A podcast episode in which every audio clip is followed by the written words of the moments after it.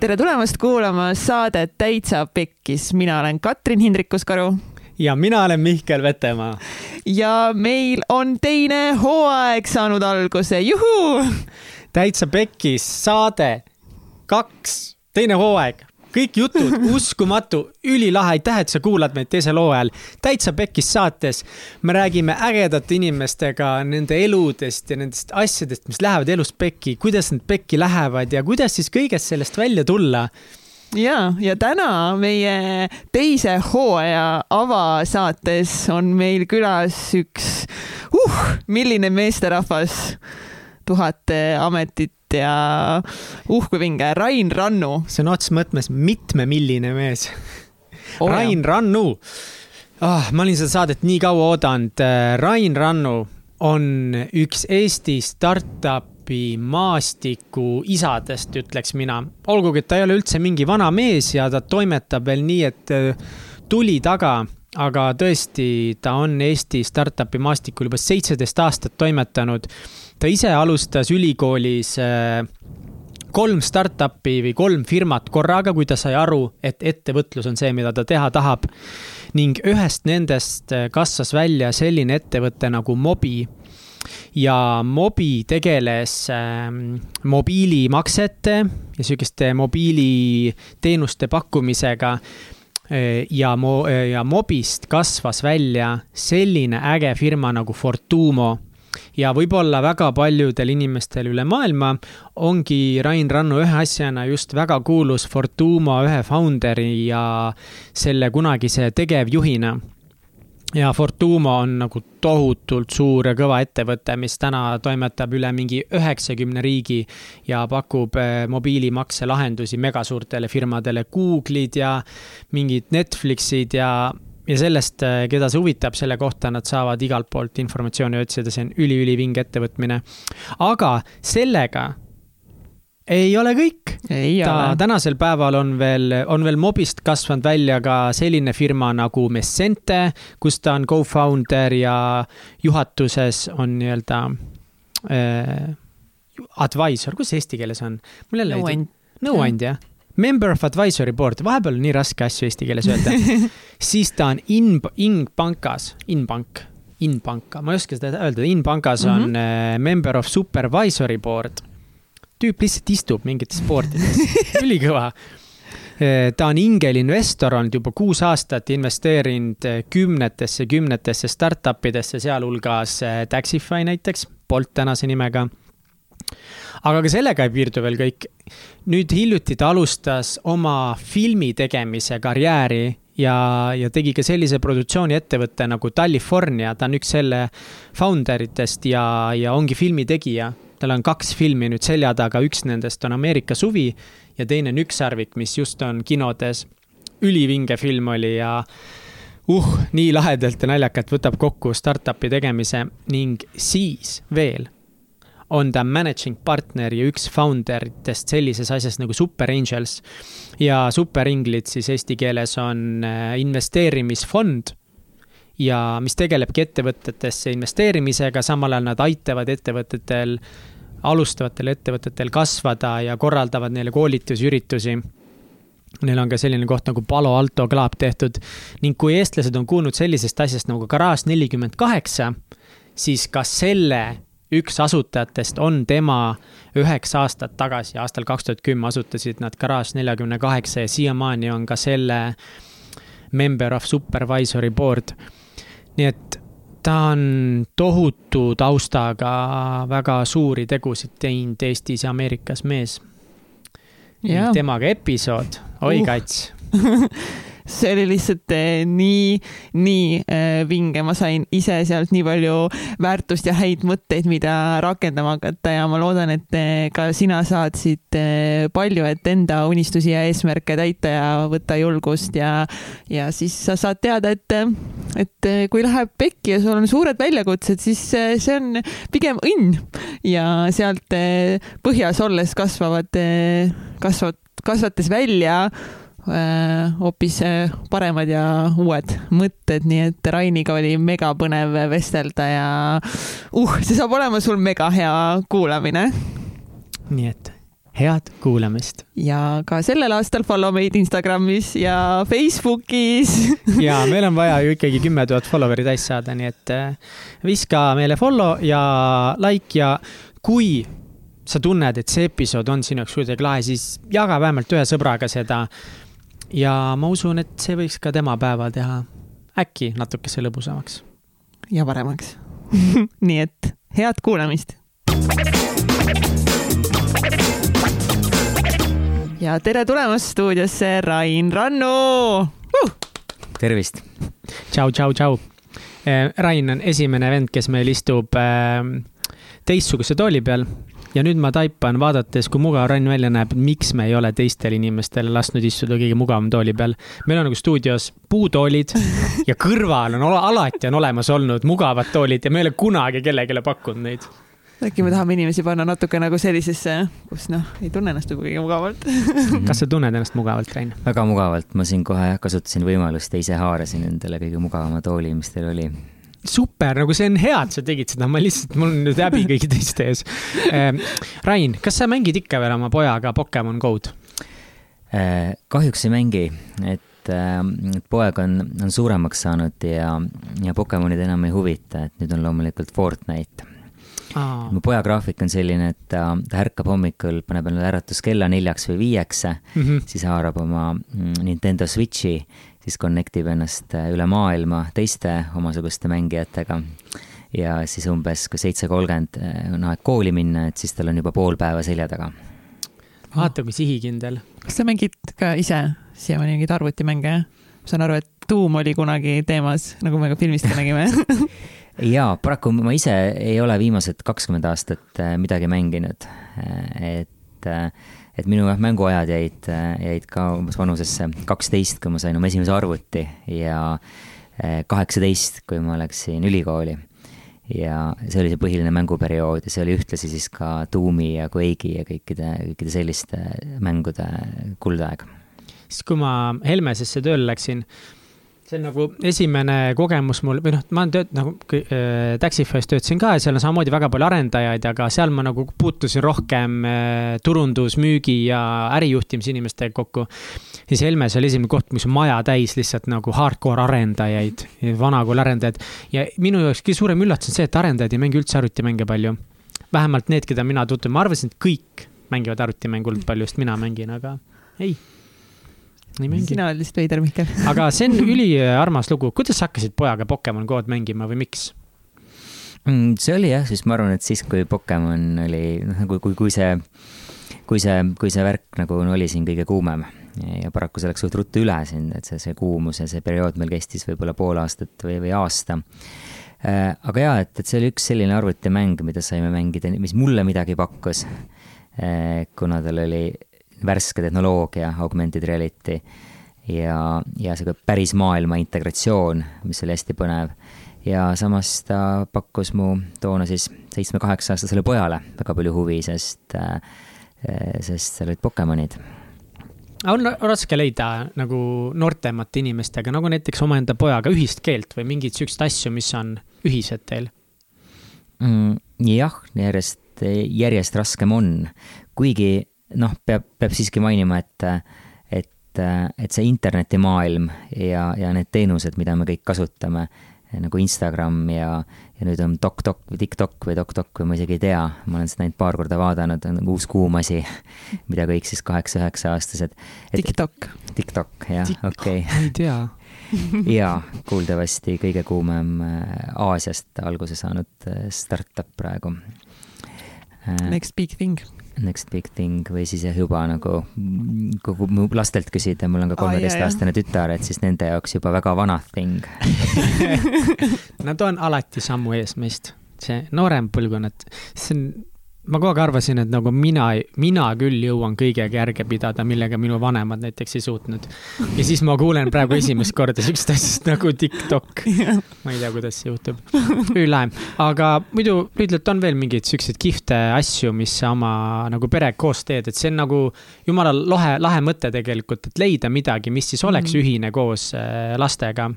aga et on veel mõni sihuke huvitav näide mm,? meil on jah mõned sellised offline, offline asjad nagu, nagu koos äh, spaas ujumas käimine ja sellised nagu, nagu sportlikuma suunaga asjad. pluss mulle meeldib väga lastega reisida koos, et äh, kui see võimalik on ja noh, tavaliselt korra aastas mm, või, või, või, või mõnikord ka rohkem on. Äh, mul on hästi pikad reisid ja sageli seal on töö ja, ja puhkus alati ühendatud. et et, et kui sellisele reisile on võimalus laps kaasa võtta või lapsed, siis see on, on, on super äge ka. sul on kaks last siis jah? vanad need on? Äh, tüdruk on kolmteist ja poeg on kümme. ülikool, te olid ikka filmi premeer ka kohal, ma nägin, jumala äge. ja pluss nüüd Nii. tuleb, jõuamegi nüüd ühe asjani üldse nagu, me oleme mõelnud ka omavahel natukest, millega rääkida, millest rääkida Rainiga Ra jah, aga nagu neid valdkondasid on nii palju ja me käisime Katsiga vaatamas seda Unicorni ka, mis oli ülilahe ja just. me just enne arutasime ühe tuttavaga, et, et Eesti filmid kipuvad tema arvates suhteliselt palju venima et ta nagu mõtles, et ei tea, kas see on nagu mingi standardminutid, mis peab igal juhul täis tegema, et muidu nagu ma ei tea, Eesti filmikommuun ei võta sind tõsiselt, aga Unicorn ei veninud. jaa. aitäh. jaa kas, aga räägi nüüd meile, kas on siis mingid minutid, mis tuleb täis teha? keegi sind tõsiselt võtaks täispika filmi vist see mm, minutid algavad seal umbes seitsmekümnest, seitsmekümne viiest ehk siis, et, et sul noh, tund viisteist võiks üks, üks film olla umbes. aga jah, sealt edasi on juba, juba tegijate enda, enda teha, et kui, et minu arust film peaks olema täpselt nii pikk, kui, kui, kui sul selle loo jutustamiseks on vaja ja mitte minutitki pikem. ja vaatajaga on ka sihuke huvitav lugu, et see venimine tegelikult ei sõltu üldse minutite arvust, sul võib olla väga äh, tempokas kahe ja poole tunnine või kolmetunnine film mm. -hmm. või noh, näiteks Tõde ja õigus, mis oli meil kõige menukam film mm, Eestis üldse läbi aegade ja ilmselt jääbki läbi aegade menukamaks filmiks äh,, oli ju kaks pool tundi pikk ja enamik inimesi väidab, mina kaasa arvatud, et ei veninud üldse. samas sul võib olla mingisugune tund ja viieteistkümnene film, mis on ikka ja, väga no, sisu väga ikka loeb, kas see kannab või ei kanna ja siis sa võidki vaadata kas pikka filmi ja tundagi täpselt paari minuti pärast, et kuulge, et sõbrad, äkki aitab sellest jamast. aga ja me käisime Mihkliga vaatamas ükssarvikfilmi ja ausalt, me olime mõlemad lihtsalt, me naersime, me pole, ma pole tõesti ammu, rääkimata veel Eesti filmist, niimoodi kinos lihtsalt tundnud ennast hästi. Ja ma siin praegu noh, võib tunduda, et eh, peab nagu kiitma, kuna Rain on siin, aga for real, me olime Mihkliga nagu ülirahul, me vaatasime kogu aeg üksteisele otsa, me naersime, see film tõmbas ennast eh, endaga kaasa ja nii palju ka lahedaid eh, äratundmise rõõmukohti ja kuidagi nagu mõnus film oli ja ma tean, et selle filmi tegemisega kaasneb sul jumala palju seiklusi, sa oled teinud selle teise, teise, esimese filmi äh, Ameerika suvi samamoodi, mis mulle nii palju ei meeldinud. Ameerika suvi ei olnud üldse nii äge. ma mm. ootasin võib-olla Ameerika suvest nii palju, sest ma olin ise käinud äh, vaatamas seda. ja siis ma just mõtlesingi nagu, et nüüd ma tunnen kõik need kohad ära, mida ma olen läbi käinud. aga mõned kohad olid seal nii ulmelised, et ma lihtsalt mingi, ma pole sihukestest asjadest kunagi kuulnud mm. aga Kut, nagu sa oled ikkagi maailmas tuntud äh, siiamaani veel, ma arvan, peamiselt tehnoloogiaettevõtjana ja investorina ja tehnoloogiast kõnelejana ja nüüd sa hakkad järjest rohkem äh, filmimaailmasse ennast sisse sööma. kuidas, kuidas kogu see lühidalt nagu tehnoloogiaettevõtlus sinu jaoks algas mm? -hmm. Um, jah, see sai minu jaoks tegelikult alguse äh, umbes kakskümmend aastat tagasi ja äh, see oli ülikooli teisel kursusel. ja nagu hästi sageli, et, et teil siin peab, podcast'i nimi vist on Täitsa Pekkis, on ju mm, -hmm. ma õigesti aru saan? mulle meeldis see, vot see vist on Täitsa Pekkis oota, mis see oli, see vist oli Üks hobune või mis see filmi nimi oli jah, sa ütlesid filmi nime ka, on ju Unicorn, on ju, mis tegelikult äh,, et meil on eesti keeles üks sarv, ikka inglise keeles Chasing Unicorns. on jaa, fuck kurat. võib ropendada teie podcast'is. ja, ja võib küll jah, seda võib aga ühesõnaga, et, et, et nagu sageli sellised nagu muutused äh, leiavad aset mingisuguses teatud nagu kriisiolukorras ja mul samuti, et ma mäletan, et, et siis oli ülikooli umbes teine kursus, kui mul oli sihuke sisemine kriis, kus ma sain järsku aru, aru, et see, mis ma ülikooli õppima olin läinud, et see on küll super põnev, aga, aga ma ei soovi kunagi selles valdkonnas äh, tööd teha. mis sa õppisid? Äh, avalik haldus ehk siis riigiteadused. meil oli super äge, äge kursus, meil oli superägedad õppejõud, võib-olla kõige ägedamad üldse, väga inspireerivad mm, Tartu Ülikoolis, aga, aga ma ei kujutanud ette ennast riigiametnikuna mm.. ja ma olin parasjagu Hollandis vahetusüliõpilasena pool aastat, suht eemal ka ja suht palju aega, et üksinda mõelda.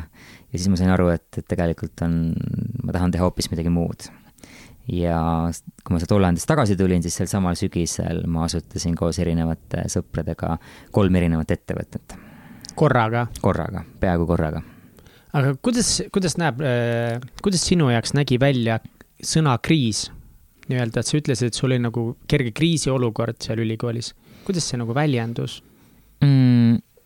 ei oskagi öelda, et, et kuidas ta nagu väliselt väljendus, et võib-olla väliselt ei väljendunudki kuidagi, aga, aga sisemiselt, kui sa, et, et, et kõik kriisid on natuke nagu sellest tungid, tingitud, kui sa sisemast tunned, et, et sa teed natuke vale asja. et sa ei tee mm -hmm. täpselt seda asja, mis sel hetkel tundub olevat südamelähedane, vaid sa teed mingit teist asja, mis, mis mm, võib-olla kunagi tundus õige ja enam ei tundu õige. või mille kohta sul võib-olla oli vale ettekujutus ja, ja ta tegelikult ei olnud kunagi üldse õige. Aga kas sa läksid eh, ülikooli õppima seda eriala mingi kindla visiooniga või olid vanemad need, kes sind suunasid või miks sa üldse tegid sellise, sellise valiku? Mm,? ma tegin selle valiku sellepärast, et äh, ma tegelikult kogu aeg teadsin, et ma lähen majandust õppima. Äh, ja selle valiku avaliku halduse kasuks ma tegin kaks päeva enne sisseastumiseksamite lõppu ja ma ei mäleta nüüd täpselt, mis pidi see oli, aga, aga oli võimalik näha tolle hetke majandusteaduskonda ülikoolis kuidagi, et noh mm,, ma ei tea, kas sõprade kaudu olid seal mingid avatud debatid, ma ei tea, mis seal olid mm. -hmm. ja oli võimalik näha sotsiaalteaduskonda ja see sotsiaalteaduskond oli lihtsalt nii palju ägedam tol hetkel, kui Tartu Ülikooli majandusteaduskond tollel hetkel. ja, ja see oli puhtalt emotsioonide pealt mm -hmm. otsus. ja ma ei kahetse, et ma selle otsuse tegin tol hetkel aga jah, et aasta hiljem või poolteist aastat hiljem viis see siis olukorda, mis tegelikult avas, avas hoopis muu maailma, mis võib-olla ei oleks avanenud siis, kui ei oleks seda otsust teinud tead, ma olen, ma arvan, et see on mingi nüüd neljas kord, kui ma ja, toon ja, seda vähemalt. Steve Jobsi no,, on Steve Jobsi, Harvardi, ei, mis issand, Stanfordi commencement speech, palun keegi lugege üle, mitmes kord välja toon. You can only connect the dots looking backward. vist oli niimoodi. ütles nii, jah? jah et äh, üli, ülihea kõne mhm. aga tagantjärgi on nagu vaata, jumala hea on näha, et asi oli põhjusega. ja kohe lihtsalt äh, härjal sarvist ja liiga kaua ei lasknud oma hingel kriisis olla ning kolm ettevõtet, mis ettevõtted need siis kõik olid mm? -hmm. üks oli, oli veebidisainifirma, mille nimi oli Digu.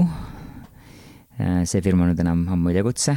Mm, teine firma oli konsultatsiooniettevõte Innopolis millest sai hiljem Civita ja mis praegu väga edukalt tegutseb ja kust, aga kust mina tegin siis kohe vahetult peale see, um, nagu esimesel aastal ka nii-öelda esimese väikese, tänapäeval öeldakse exit'i, et siis vist, ma ei tea, kutsuti kuidagi teisiti. viskas pillivarna äh, ei, mina, äh, mina viskasin selles firmas. jah, seda mõtlengi, sina viskasid pillifirmast varna.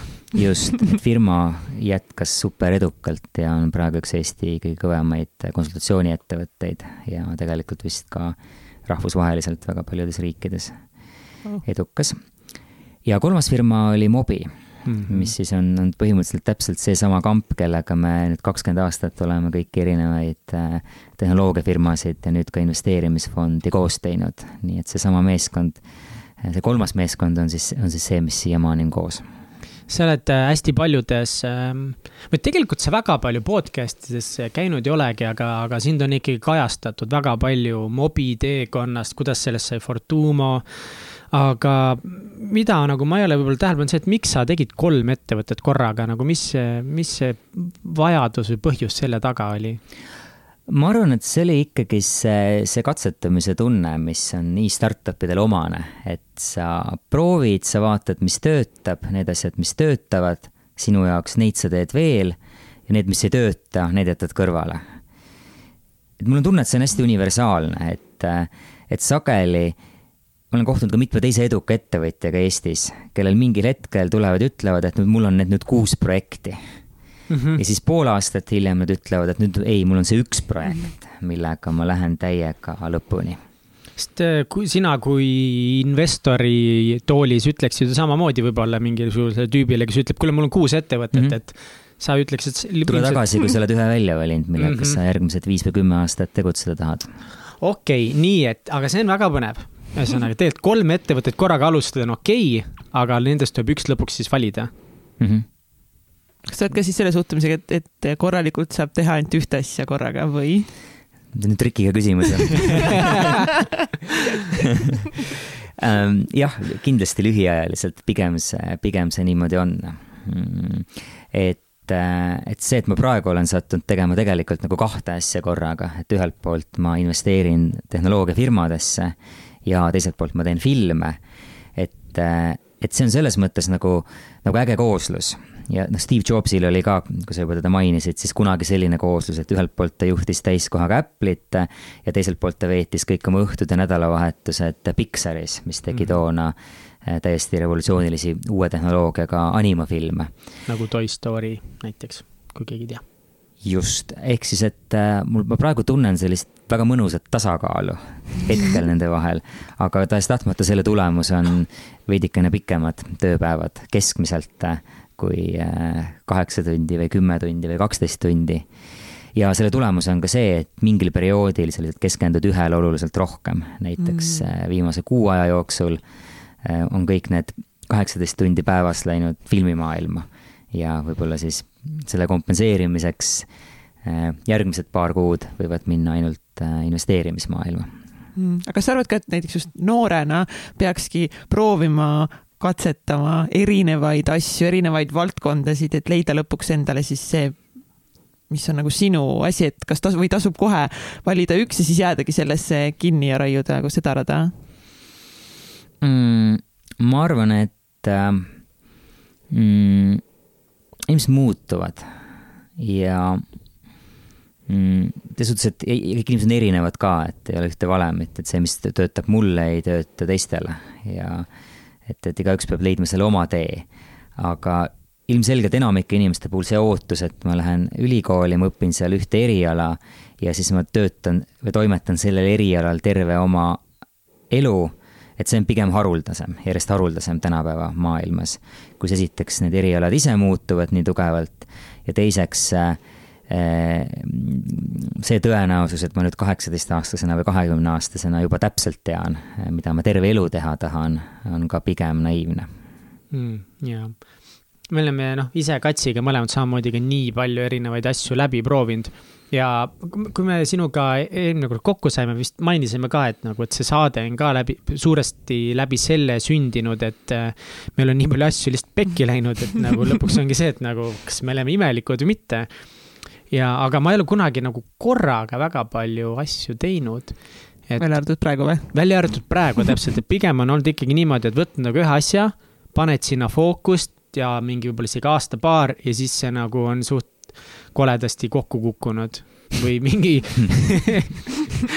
ja nii tore, ära aja nuttu ja nüüd mingi järgmise asja jälle läheb pekki nagu, aga nüüd me nagu katsetame selles mõttes täitsa teistmoodi, et ongi noh, ma käin tööl, me teeme podcast'i, me teeme live show'd ma proovin ühte äppi ehitada ja mul on vennaga veebidisaini ettevõte, nagu sinul oli kunagi noorena mm. -hmm.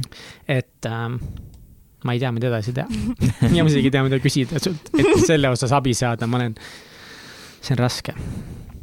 Aga kuidas selle kolme äh, ettevõtte asutamisega, kuidas see alguses äh, siis äh, oli või kui keeruline tollel ajal sul oli üldse leida neid inimesi, näiteks kellega alustada neid ettevõtteid ja üldse selle protsessiga pihta hakata? Mm, ma arvan, et tudengi, siiamaani ma arvan, et tudengina on seda tegelikult väga lihtne teha. et et, see on super hea aeg ettevõtlusega alustamiseks.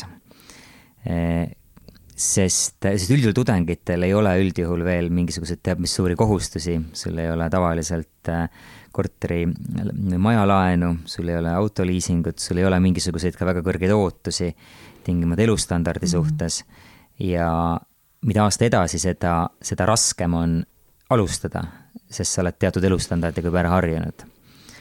ja, ja võib-olla toona Eestis oli seda isegi kõige lihtsam teha just sellepärast, et, et meie elustandard üleüldse ei olnud väga kõrge kakskümmend aastat tagasi, et nüüd on meil selline hea töökoht heas äh, firmas, väga korraliku palgaga, et võib-olla sellest on jah, natukene keerulisem loobuda. ja, ja võib-olla väga paljud, võib-olla rohkem inimesi tänapäeval alustab seda niimoodi täpselt nagu sina kirjeldasid, et sa käid päeval tööl mm. ja õhtul teed siin oma podcast'i ja siis sa teed veel hilisõhtul mingit oma startup'i kõrvale ja siis kõik need koos kuidagi nagu, nagu toimivad. aga no vot siit kohalt tegelikult mul üks nagu küsimus tuleb, kas sa oled elus olnud ka sellisel hetkel, et kui noh, liigume ära sellest noorest ajast, et siis oli kolm firmat ja seal, ma saan aru, sa suhteliselt kiiresti tunnetasid ära, mis on see, mida sa tahad teha mm. -hmm. aga on sul ka niimoodi olnud, et nüüd sul on kolm asja koos, mis nagu nõuavad võrdselt tegelikult tähelepanu, aga sa ei taha nendest ühestki lahti lasta mm? -hmm oled sa pidanud tegema nagu neid raskemaid valikuid ka asjade vahel, mis sulle kõik meeldivad mm? -hmm. ma arvan, et, et võib-olla kui üldse, siis võib-olla praegu ongi see aeg, et tegelikult äh, nii filmide tegemine kui investeerimine on mõlemad asjad, mida võiks täiesti teha äh, full time ja rohkemgi äh,. aga ometigi ma tahan teha mõlemat ja, ja hetkel see tähendab, et, et ma pean ennast jagama aga õnneks mul on mõlemal pool super head meeskonnad, meie investeerimisfond Super Angel, mul on kaks partnerit ja, ja meil on kokku kuus-seitse inimest ja kõik on superägedad ja, ja, ja pühendunud. Ja mul filmitiim on ülikõva, kaasprodutsent Tõnu Hiielaid ja kõik meie, kõik need kaastöötajad, kes meil on siin nii Ükssarviku kui teiste filmidega abiks, et need on super head, et, et sellisel moel ma arvan, et on, on, on võimalik seda teha küll shout out to Tõnu, aga kelle koer see oli? Äh, üks filmis, filmis. Yeah. nii, selle koera nimi oli Riki ja see on üks, üks tuntud äh, startup'i koer, et kui sa guugeldad Rikit ja Chief Happiness Officer'i, et siis, siis ma arvan, et sa tegelikult leiad selle üles ta ongi Chief Happiness Officer tegelikult. ta on kandnud seda rolli jah, mõnes päris mitmes firmas, sealhulgas vist ka Pipedrive'is muuhulgas mingil hetkel. okei okay selles. Äh, kõik on tõsi, mis filmis on. üks, see on täitsa nagu, see on väga pull nüüd, et ma seda teadsin, seda ma oleks arvanud. Äh, ükssarviku filmis äh, te võtsite nagu väga hästi kokku need siuksed peamised probleemid, mis siis kogu selle startup'i elutsükli jooksul juhtuvad, alates ideest kuni siis lõpuks exit'ini välja, et mis on need suured väljakutsed seal ja, ja ma kujutan ette, et mõned need väljakutsed on siis inspireeritud ka sinu enda elust ja sinu startup'i kogemustega, et sa oled äh, seitseteist aastat või kaua sa oled nüüd ettevõtlusega tegelenud mm? -hmm, umbes nii. umbes nii, et, ähm, et mis on need mõned äh, sellised täitsa pekis hetked, mis äh, filmis sai kajastatud, mis on tegelikult inspireeritud sinu enda elust ja just nagu võib-olla ka nende start, ettevõtluse algusaegadest äkki mm? -hmm um,? jah, et, et jah, selles filmi puhul peaaegu igas äh, olukorras on nagu natukene võib-olla minu kogemust ja siis noh, nad natuke võib-olla natuke rohkem teiste inimeste kogemust, aga, aga miks just need hetked filmis on, on, on ilmselgelt ka seetõttu, et, et need mulle endale on need, need, need mingil kujul tuttavad või sümpaatsed või olulised um,. Um, ma arvan, et, et see meeleseisund um, mis võib-olla nagu on, on peategelasel mingitel hetkedel, kui võib-olla kõik ei lähe nii hästi ja võib-olla filmi teises pooles ja just nendes San Francisco tänavatel on nagu mõnevõrra tuttav mm.. ja, ja loomulikult nagu, nagu noh, samamoodi kui tegelikult tuttavad on kõik need nagu ägedad õnnelikud nagu eduhetked, mis, mis läbi filmi siin on. et äh, ma ei oskagi nüüd ühte väga konkreetset nagu sellist, sellist lugu tuua, äh, mis oleks otseselt äh, kui, sa küsisid praegu, et nendest nagu täitsa pekkis hetkedest, et, et mis on nagu minu elust mm. -hmm. aga, aga jah, et kogu see, kogu see feeling tegelikult nagu mõneti on, on, on sealt.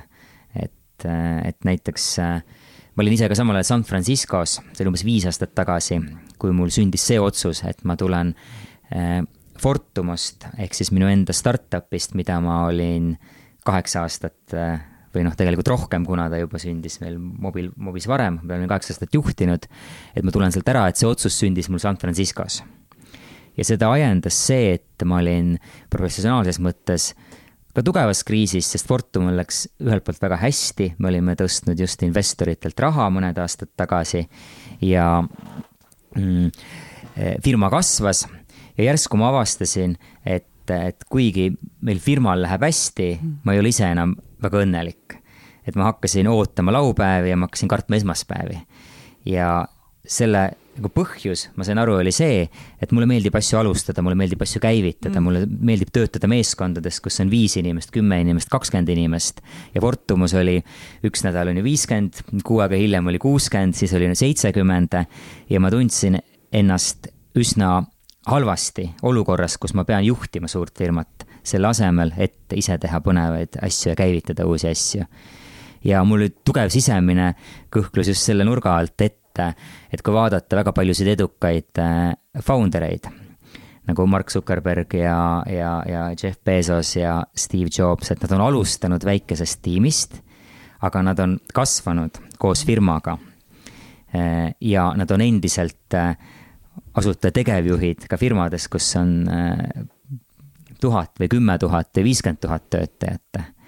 ja samas mul oli sisemine tunne, et ma ise ei taha kasvada, ma ei taha olla eh, kümne tuhandese firma juht, et ma parem teen midagi uut ja põnevat või ma aitan neid firmasid, kes on just selles algusfaasis, mis mulle endale huvi pakub.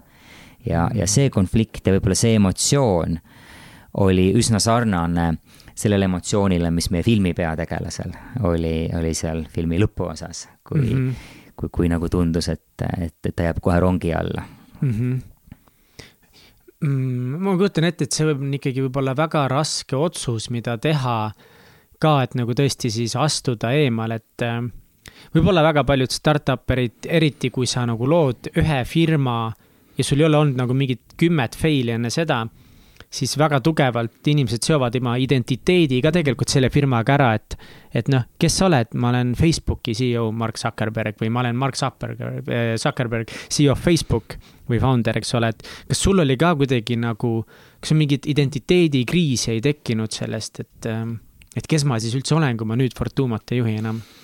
Mm? -hmm et kes ma olen, kui ma ei ole nagu, nagu oma tehtud startup'i founder ja CEO yeah um,? jaa, ma arvan, et, et mingil määral oli küll. ja kuigi oli tolleks hetkeks ma olin juba investeerinud äh, kümnesse, umbes kümnesse idufirmasse, sealhulgas Pipedrive ja Bolti ja, ja ma nagu teadsin, et järgmine loomulik samm on, on investor.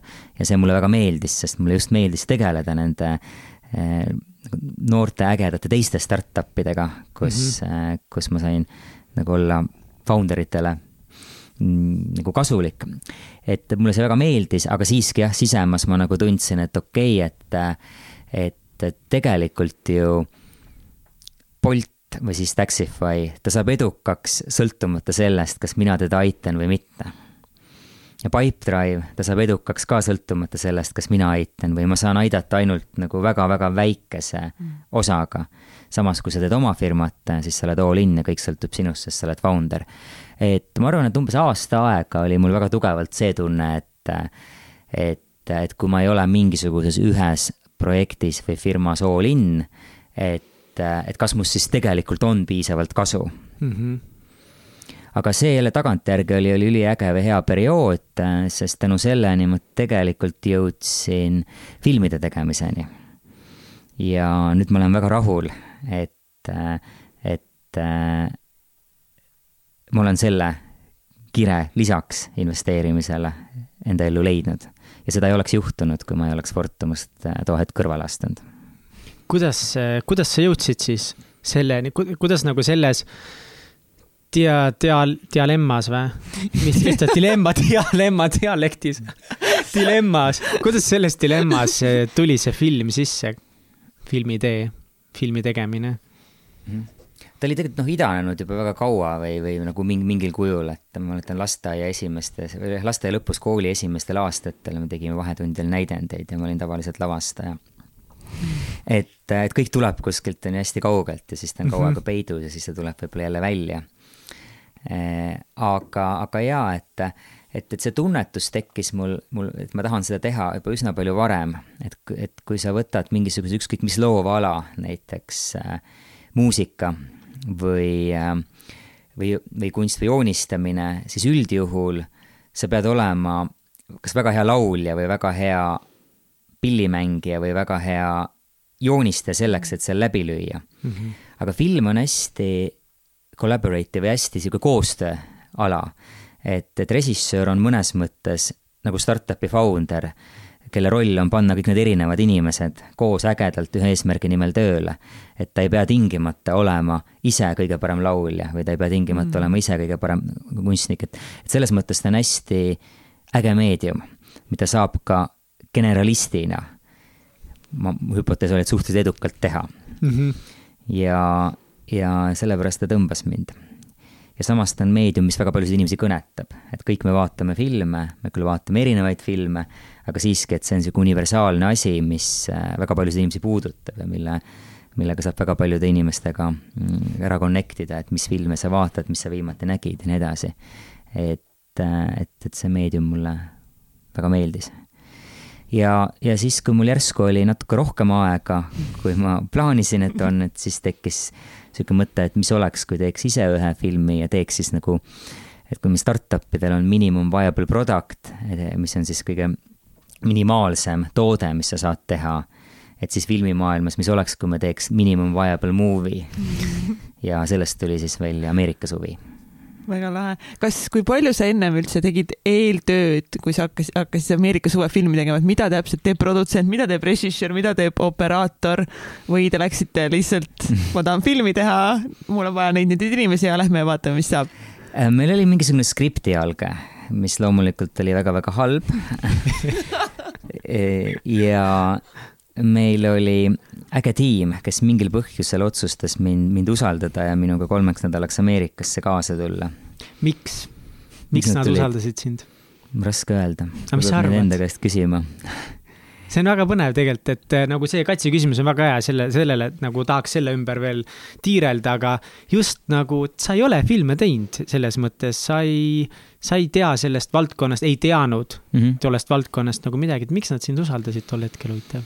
Mul on raske öelda, miks nad usaldasid ma tõesti ei tea seda. suutsid visiooni ja selle nagu hästi inimestele ära maha müüa, ma arvan, ja see tahe. võib-olla küll ja, ja võib-olla ka see, et me olime üsna ausad, et me ütlesimegi, et me ei tea sellest valdkonnast midagi, aga et teeks kolme nädalaga USA-s mingit, midagi ägedat. mis on, mida on vähemalt äge teha.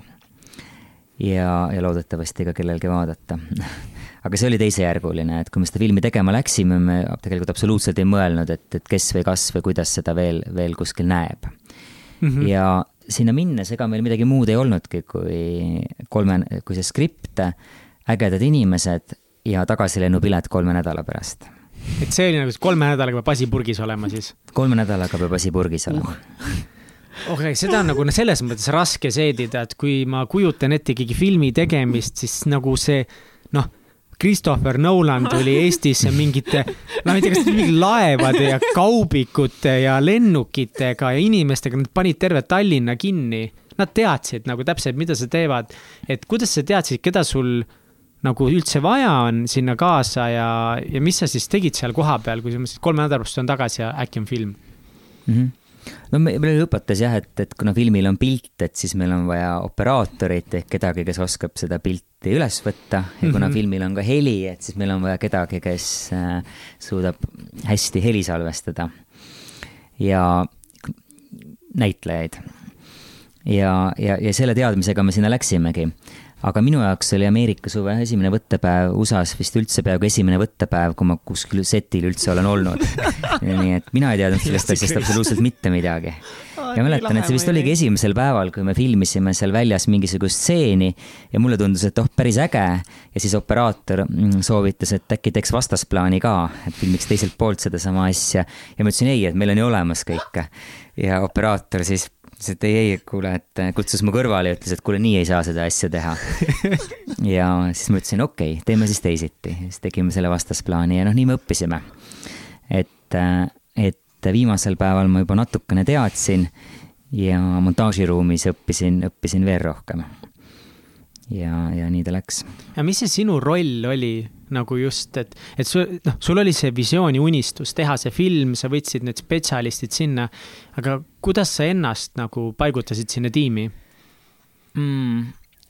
noh, kuna see oli nagu minu lugu või minu skript või, või, või kõik see, mis, mm, et siis äh, ikkagi jah, seal kohapeal ma nagu lõpuks otsustasin, et mm, -hmm. et mida me teeme ja lõpuks siis montaažiruumis ma samuti otsustasin ikkagi, et mis sinna filmi läheb ja kuidas ta läheb.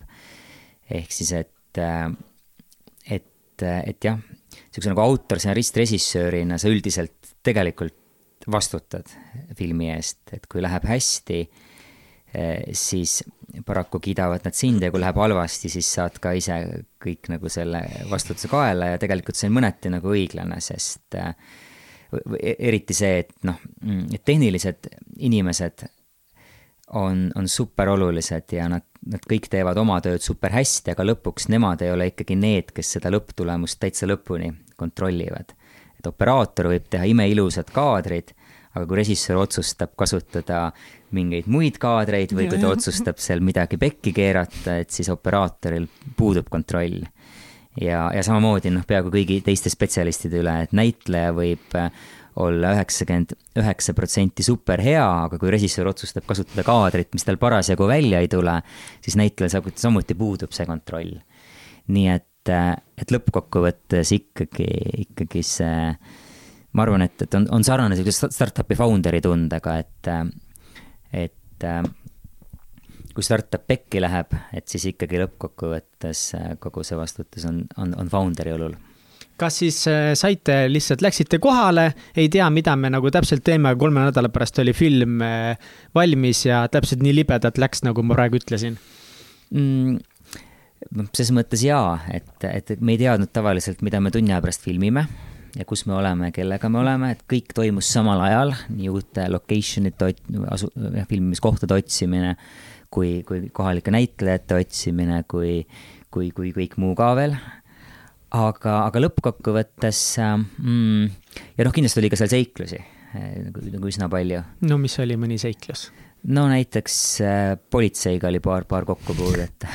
et üks kokkupuude oli selline, et me leidsime ühe ilusa maja, äh, mille juures on, meile tundus, et on väga hea filmida.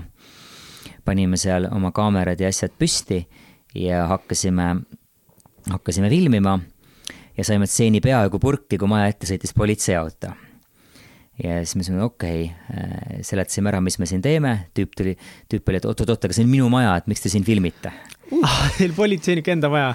politseiniku enda maja. siis selgitasime veel siin, et, et Euroopast ja teeme sellist gorilla stiilis filmi ja siis tüüp oli, okei okay,, no tulge sisse. siis kutsus meid sisse siis rääkisime natuke, siis umbes viie minuti pärast pakkus ta kõigile õlut ja umbes kümne minuti pärast küsis, et ega teil juhuslikult oma filmis ühele politseinikule rolli ei ole. Wow.. ja meil juhtumisi oli. Meil oli just skriptis üks, üks stseen kirjutatud, mis, mis oli politsei, kus oli vaja kahte politseinikku. ja meil ei olnud õrna aimugi, kuidas me selle stseeni filmime ja nüüd me olime siis ühe politseiniku elutoas, joome õlut ja ta järsku küsib, et ega ei ole ühtegi rolli politseinikule. Äh, ja siis see lõppes sellega, et järgmisel päeval olid tema ja tema partner mootorrataste peal, äh, mõlemad täisvarustuses, kahekesi kohal mm, pakkusid meile ise ka veel välja selle location'i, kus seda stseeni kõige parem filmida on. ja me filmisime selle ära ja sellest noh, sai filmi üks ägedamaid stseene ja hiljem, kui meil oli mis iganes abi vaja mingisuguste inimestega seal läbirääkimisel või, või mingisuguste teede poolomavolilisel sulgemisel, et siis need politseinikud olid meil nagu tugevaks toeks ja aitasid kõik muu välja mõelda. väga tugevalt sihukest mingit tavalist raamatumüügi suve nagu päriselus ka, et nagu seal ongi see, et ja. nagu mingisugust auhinnast on mingi raamat puudu ja see viimane koputus kuskile ja siis lihtsalt elu juhtub aga see on ikkagi, nagu mulle tundub, see metsikult äh, paranda mind, kui ma eksin, aga metsikult pingeline viis, kuidas mm -hmm. nagu mhm. teha, ma ei kujuta, ma ei tea, kes sul seal meeskonnas oli, aga võib-olla operaatorid, kes on harjunud nagu väga konkreetse kava ja struktuuri järgi töötama, nüüd ei tea mis tunni aja pärast saab, et kas sa pidid kuidagi nagu mingit pinge maandamist ka tegema või kas sinu see startup'ilik suhtumine aitas seal kuidagi inimesi chill'ina hoida või mm.? Um, mulle tundus, et, et nagu startup'is kõik, kõik algab inimeste valikust või, või siis antud juhul vist oli isegi siis nende endapoolne valik. et et vaata nagu raamatumüügis, et kui, kui sa kutsud oma meeskonda inimesi raamatuid müüma, siis sa kirjeldad neile ära võib-olla kõik asjad, mis potentsiaalselt võivad valesti minna. ja kui mõned neist asjast ei lähe, asjadest ei lähe valesti, siis on juba nagu positiivne emotsioon. et, et ma ei ole päris kindel, et, et kas mm,, kas need nagu kes sinna kaasa tulid, et jah, ilmselt, et miks nad tulid, ma ei tea, aga ilmselgelt nad olid endale ja me olime aidanud neil võib-olla enne seda juba ette näha Eh, täpselt seda, et mis meetodiga me seda mm -hmm. asja teeme. ja kuna meil seal tegelikult midagi nagu tõeliselt pekki ei läinud, et, eh, et siis võib-olla need ettekujutused olid isegi hullemad, mis seal juhtus ja lõppkokkuvõttes eh, mis ma pärast kuulsin, oli see, et, et kõik ütlesid või mitu inimest ütlesid, et, et see oli kõige raskem asi, mis ma kunagi teinud olen, aga iga kell teeks uuesti. ülilahe, eks see seltskond ongi see emotsioon, mis sa sealt endaga kaasa võtad on nagu üli, ülioluline. aga mis tunne oli esimest korda enda tehtud filmi näha suurel ekraanil? ma pean tunnistama, et ma ei ole seda suurel ekraanil näinud, et Ameerika suve siis. et äh, viimane kord ah. ma seda filmi ise nägin, oli öö enne esilinastust montaažiruumis. et peale seda ma ei ole seda filmi minutitki näinud, võib-olla minut ei olen, et ma vahepeal olen pidanud seda filmi sisse juhatama ja, või välja juhatama. Ja siis, kui sa seda teed, siis sa ei saa saalist nii ruttu välja minna veel, et nad panevad selle filmi enne käima, et sa võib-olla algust nagu näed. nii, mis värk sellega on ma ei tea, nagu ei ole näinud põhjust et vaadata enda tehtud filmi või? jaa, ja võib-olla see on kosult sellest, et montaažiruumis me nägime seda umbes kakssada korda aga, aga nii see on. aga nüüd siis vaatasid Chasing Unicorns? nüüd vaatasin esilinastusel ja. ja kuidas see tunne oli mm,? hea tunne oli. Aga samas noh, hästi ütlesid tegelikult, kui sa oled kakssada korda nagu montaažiruumis näinud, aga on seal ikka mingi teine dünaamika koos teiste inimestega näha suurel laval? on ikka, on ikka teine dünaamika ja kuigi noh, peab tunnistama, et antud juhul see ei olnud ka väga ootamatu, sest, sest me olime seda filmi tema eri faasides korduvalt näidanud inimestele ja testinud mm., et me mm. olime teinud seda natukene nagu startup teeb toodet, et sul valmib mingisugune versioon, sa kutsud testkasutajat kasutama ja siis sa nende tagasiside põhjal muudad seda filmi. ehk siis, et oh,. Wow, väga huvitav mm,. jaa, ehk siis, et viimase poole aasta jooksul montaažiruumis me olime, olime teinud juba eh, umbes viisteist, kakskümmend erinevat eh, screening ut, tavaliselt niimoodi kolmele-neljale inimesele korraga hästi eri valdkondadest. nii et tegelikult suuremad osad reaktsioonidest oli, oli juba teada. Et selles mõttes see esilinastus ei olnud nagu niivõrd üllatav. aga noh, loomulikult, mis oli üllatav, oli see posi-, positiivne emotsioon, millega kõik need viissada inimest, kes meil seal Coca-Cola Plaza iSense'i saalis olid, äh, sealt, sealt välja tulid, et, et see oli nagu väga, minu jaoks isiklikult väga võimas hetk aga kas see pil-? ma korra, ma tahaks, ma enne tundsin ühte mega head õppekohta, nii, jäta meelde oma mõte, nii okay., jätsid meelde? ma proovin, ma proovin. nii, pane silmad kinni, võta meelde. ma tahaks välja tuua ühe õppekoha, ma siin just tundsin.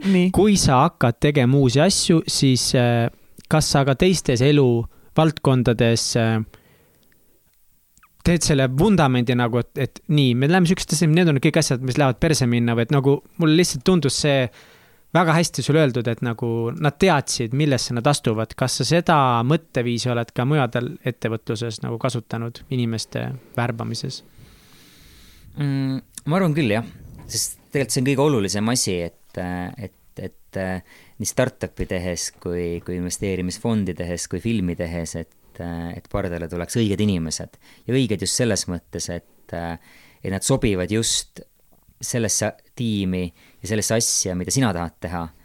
ja, ja et neile meeldib see. ja, sest noh, kui sa palkad kellegi või võtad kellegi kampa, kellele tegelikult selline teguviis ei sobi, et siis teda juhtida hiljem on niivõrd palju keerulisem kui see, kui sa saad kampa need inimesed, kes, kes täpselt selliselt, nagu sa tahad asju teha, tahavad ka asju teha. aga kuidas siis nagu ikkagi seda täpselt kindlustada? Et nagu mida see, kas sa nagu räägid täpselt ära, et ma tahan nii ja nii teha või sa räägid, et need ja need asjad lähevad ilmselt valesti või kuidas seda mhm. kindlustada? ma tavaliselt äh, kasutan ka sellist meetodit, mida vist müügis nimetatakse negative selling uks või et, et sa üritad nagu esimestel kohtumistel kirjeldada kõiki neid olukordi, miks see, see konkreetne asi on väga halb või mis siin noh, mis võib raske, halvasti minna, aga mi, mi, miks see raske on või mi, mis, mis selle juures halba või negatiivset on. ja kui peale seda inimene ikka tahab seda teha, et siis see annab väga tugeva kindluse, et ta sobib meeskonda. I love it. jess, ma tahtsin ennem küsida selle tagasiside kohta, et sa kutsusid neid inimesi vaatama mingeid osasid. kas sa said sellist tagasisidet ja kasutasid seda ja muutsid midagi või sa said pigem kinnitust sellele, mida sa teed, et see on, toimib? oo, väga palju muutsin ja, ja tohutult iteratiivne oli, et, et vahepeal me tegime kolm või neli screening ut nädalas ja iga päev oli erinev filmi, filmi äh, versioon mm. -hmm. ja ma mäletan, et meil kuskil seal märtsikuus oli nagu selline olukord, kus ei saanud ühte stseeni, filmi keskosa mitte kuidagi tööle. ja siis tänu sellele, et, et me kogu aeg proovisime erinevaid asju ja näitasime seda järjest erinevatele inimestele, kellelt me saime nagu tagasisidet et, et siis tänu sellele lõpuks kuskil peale viit screening ut puhtalt ühe stseeni pärast me saime selle keskmise osa noh, minu arust suht hästi tööle ja järgnevad vaatamised kinnitasid, et, et see töötab. et ikkagi tohutult iteratiivne protsess, et, et filmiga on niimoodi, et noh, sa võid sinna stsenaariumisse panna ju kirja mingi asja, aga näiteks stsenaariumis sul on kirjas, et, et mm, näiteks Tõnu kõnnib kontoris oma laua taha ja hakkab tööd tegema. mida vaataja võib-olla näeb, on, et üks mees kõnnib kuhugi mingisuguse laua taha, sest tal ei ole see kontekst, et see on Tõnu, see on tema laud mm., et, et tal ei tule seda konteksti automaatselt kaasa, mis sa võib-olla stsenaariumisse oled kirja pannud. ja seda sa tegijana enne ei saa aru, kui sa oled seda värske vaataja peal testinud, kes esimest korda seda näeb.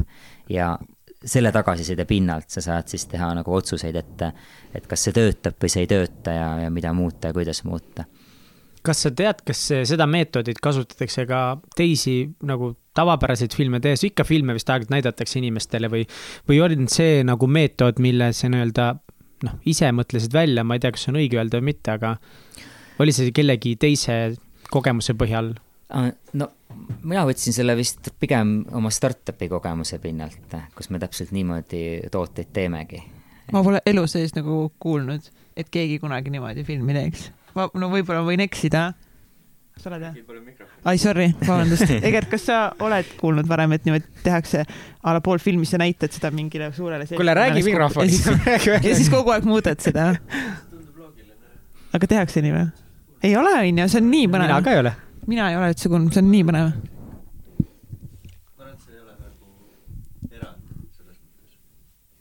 mõttes. Mm -hmm. minu jaoks tundub, ma ei tea, minu, minu jaoks tundub see täiesti uus info, see on täiesti geniaalne lihtsalt. Ma ei tea ka seda jah, et äh, kuna me, ma ise laenan rohkem asju pigem startup'i maailmast kui, kui filmimaailmast. et, äh, et me teeme suht paljusid asju valesti mis te veel teete valesti mm.? meil on nagu sihuke, sihuke hüpotees filme tehes, et äh, oluline ei ole filmi tegemise eelarve, vaid oluline on see mõju, mis tal vaatajatel on. ja meil on see hüpotees, et noh, igat filmi saab teha tegelikult igasuguse eelarvega. Ja puudub igasugune seos filmi eelarve ja tema headuse vahel. Hmm.. okei. Okay.. kahtlane. ma ole, oleneb nagu ma arvan, võib-olla, mis filmi sa teed kui sa teed näiteks Avengereid, kus on mega oluline, mega oluline, et Ironmani suit-up'id oleksid räigelt lahedad. no siis seda sa ei saa väga odavalt hmm,. okei okay., ja siis, kui sa ei saa teha Ironmani mm,, aga sa tahad teha superhero filmi siis äh, võib-olla, mis sa teed, on, sa teed nii nagu näiteks James Gunn, tead, kas see on James Gunn? ei tea. tema tegi Guardians of the Galaxy filmid mm.. aa Äh, tema tahtis teha superhero filmi ja keegi ei andnud talle superhero filmi tegemiseks eelarvet ja siis ta tegi superhero filmi superherost, kellel ei ole ühtegi supervõimet. ja see oli ülivaimukas, üli, üli, üliäge film nimega, oligi vist Super, oligi vist filmi nimi. Ja... aa, super, jaa, okei okay.. oled näinud jah? jaa no., geniaalne mm.. on ju, ja ei, ei maksnud üldse väga palju ja ja seda superit nägid siis need päris superhero filmide tegem-, tegijad ja noh, loomulikult äh, paar aastat hiljem Disney palkas James Gunni tegema päris superhero filmi, kus ta sai lubada kõiki oh, wow. neid, kõiki neid eriefekte. ehk siis, et sageli need piirangud, mis sul, mis sul on, noh, startup idel, kõik, kõigil startup idel on piirangud. ja kui sul on need piirangud ka filmitegijana, siis pigem nad aitavad olla loovad, kui et, kui et nad sind tegelikult piiravad me jõuamegi siit siis nagu ühe väga olulise omaduseni, mis startup'il just on, võime teha pivot'it. nii et ma saan aru, et, et, et kui see mees tahtis teha superhero filmi nagu kogu selles uhkuses ja lõpuks ta tegi midagi väga geniaalset, kus tegelikult polnud ühtegi nagu universumit purustavaid videotehnika, noh, neid graafi, graafilisi elemente taga, siis, siis ta pidi mõnes mõttes lahti laskma mingisugusest visioonist või tahtest, mis tal oli ja võtma vastu midagi muud, siis ma kardan, et võib-olla traditsioonilises äris või traditsioonilises filmi tegemises on võib-olla ka see, et inimesed jäävad äkki liiga kinni nagu sellesse ühte asja, mis neil on. et nagu, kui lihtne sul on mõelda, ma tahan nii hullult teha superhero filmi. ja kui keegi ei anna mulle, ma ei saagi teha mm. -hmm. et äh, et kuidas nagu muuta enda mõtlemist äh, vastupidiseks, et leida nagu neid võimalusi et kuidas sa leiad, switch'id ennast niimoodi, et sa ei vaata seda kui takistust, et sul pole nüüd seda finantsi seda teha, vaid sa pöörad selle ringi mm? -hmm. no ma arvangi, et sa võib-olla hakkad lihtsalt tegema äkki otsast peale ja sind tegelikult võib-olla alguses ei huvitagi, kui, mis teised sellest arvavad või, või, või mis selle nii-öelda kommertsedu on, sa lihtsalt teed seda, mis tundub sel hetkel õige ja äkki see viib kuhugi äkki viib? äkki viib, aga mul on tunne ikkagi, et nagu sa pead nagu ikkagi tugevalt lahti laskma mingitest nagu, mingist visioonist või mingist asjast, mis sul on, et. Äh, pead katsetama, oleme valmis katsetama valmis teisi asju. kui palju, kui palju film selle screening ute põhjal nii-öelda muutus või, või kas sa ütleksid nagu, et ta on ikkagi oma olemuselt, ma kujutan ette, suhteliselt samasugune või olemus ja põhivisioon on, on täpselt sama mm, -hmm. et umbes täpselt sellist filmi me tahtsime teha, aga kõik detailid, peaaegu kõik detailid äh, muutusid, et sisuliselt filme tehes, vähemalt minul, ma ei tea, kuidas teistel on, aga vähemalt minul on nii, et ikkagi on sul kolm, kolm eri filmi, et üks on see film, mille sa paned kirja, teine film on see, mille sa üles võtad ja kolmas on siis lõpuks see film, mille sa montaažiruumis äh, teed ja, ja võib-olla see kolmas film on isegi nagu, või selles faasis ta isegi võib-olla nagu on see muutus kõige suurem mm.. Mm -hmm. on küll hea, võin enda näitena teen, meile meeldib muusikavideosid väga teha ja siis ongi, et üks visioon on see, see, mis sul nagu peas on, see, mis sa võttel oled ja siis see, mis nagu montaažis sünnib, et see lõpptulemus on hoopis nagu midagi muud, aga see protsess ongi mulle vähemalt meeldib hullult. see on äge, onju. see on täiega lahe, nagu mulle nii meeldib, just montaažis istu tegelikult monteerib ja siis ma lihtsalt vaatan ja mõtlen, et nagu kuhu, mida võiks panna ja siis tegelikult mõtlen mu kaasa, sealt sünnib midagi maagilist mm. -hmm. Nende suhe saigi sealt montaažiruumist alguse, et sa teaksid, Rain, seal see lõi lõkkama. noh, jah, kui sa veedad ikkagi mingi kümme tundi montaažiruumis, noh, siis sa õpid inimest tundma mm. -hmm. Pole midagi teha, nii on. aga sa ütlesid, et sa teed ise ka nüüd montaaži või õppisid vähemalt väga palju montaaži kohta mm,? jah, ma olen mõlemal oma filmil ka kaasmonteerija. mis on kõige raskem asi olnud nende filmide tegemise jooksul sinu jaoks mm,? kõige raskem asi? jah tead, ma ei teagi, ma ei oska, ma ei oska nagu niimoodi öelda et äh, et mulle nagu tundub, et, et üks niisugune mõttekild, mis mulle väga meeldib ja mida ma väga järgin, on see, et, et nagu, et mis on õnn, et kas õnn on see, kui sul ei ole probleeme. et ei, et õnn on see, kui sul on probleeme ja õnn on see, kui sul on selliseid probleeme, mida sulle meeldib lahendada. ja filmi tehes, nii kirjutades võtteplatsil kui ka montaažiruumis peaaegu kõik probleemid, mida sa pead lahendama, on sellised probleemid, mida mulle meeldib lahendada mm. -hmm. see on tegelikult nagu äge, et, et see tagasiside näiteks, kui sa, mille, mille sa saad äh, filmi screening ult, et, et et mingi asi ei tööta üldse, vaatad, ei saa midagi aru, see absoluutselt ei meeldi. et ja siis sa pead selle nagu ära lahendama, et okei okay,, et tavaliselt see lahendus, mille see vaataja pakub, vaataja suudab hästi tunnetada probleemi, aga ta võib-olla ei suuda pakkuda sulle täpselt sellist lahendust. Ja sageli see lahendus peitub näiteks kolm stseeni eespool. et see, et mingi stseen ei tööta mingi vaataja jaoks mm võib tähendada seda, et, et umbes kolm stseeni eespool neil jäi üks nüanss tähele panemata, kuna eh, ma ei olnud seda piisavalt rõhutanud tolles kohas. ehk siis, et, et ise pärast selle lahenduseni jõudmine, kuidas seda vaate probleemi lahendada, on minu arust hästi äge. ja, ja selliseid kohti äh, oli meil ikkagi väga palju seda filmi tehes kas see on sinu esimene tsitaat, mille on keegi üles kirjutanud ja kuskil üles pannud või? ma arvan, et ei ole, aga see peaks olema õnn on see, kui sul on probleeme, mida sa tahad lahendada.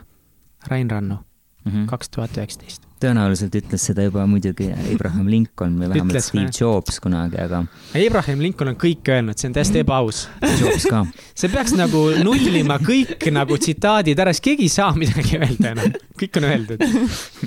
Kats, sa tahtsid midagi küsida? ma tahtsin korra lihtsalt tagasiside kohta veel, veel uurida nagu seda, et kas sa ei võta üldse tagasisidet nagu isiklikul tasandil ja pole kunagi võtnudki või on see kuidagi arenenud aastatega mm,? filmimaailmas kindlasti ma ei võta isiklikult. et äh, on tagasiside, mis, mis on konstruktiivne ja kasulik.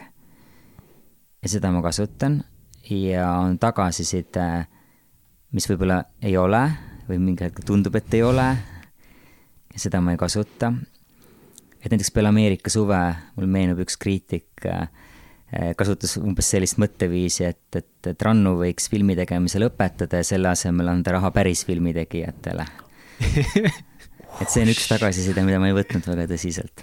aga kas see tegi sulle kuidagi nagu ka haiget või kas sa nagu hakkasid tegelikult oli sitt lugeda seda ju mm,. see oli nagu nii läbi lillede öeldud, aga et äh, ma ei tea, kas oli mm.. sest too hetk ma olin otsustanud, et ma teen filmi edasi mm -hmm. ja, ja see, mida keegi arvas, ei mõjutanud seda otsust mitte kuidagi. ja tegelikult noh, praegu samamoodi.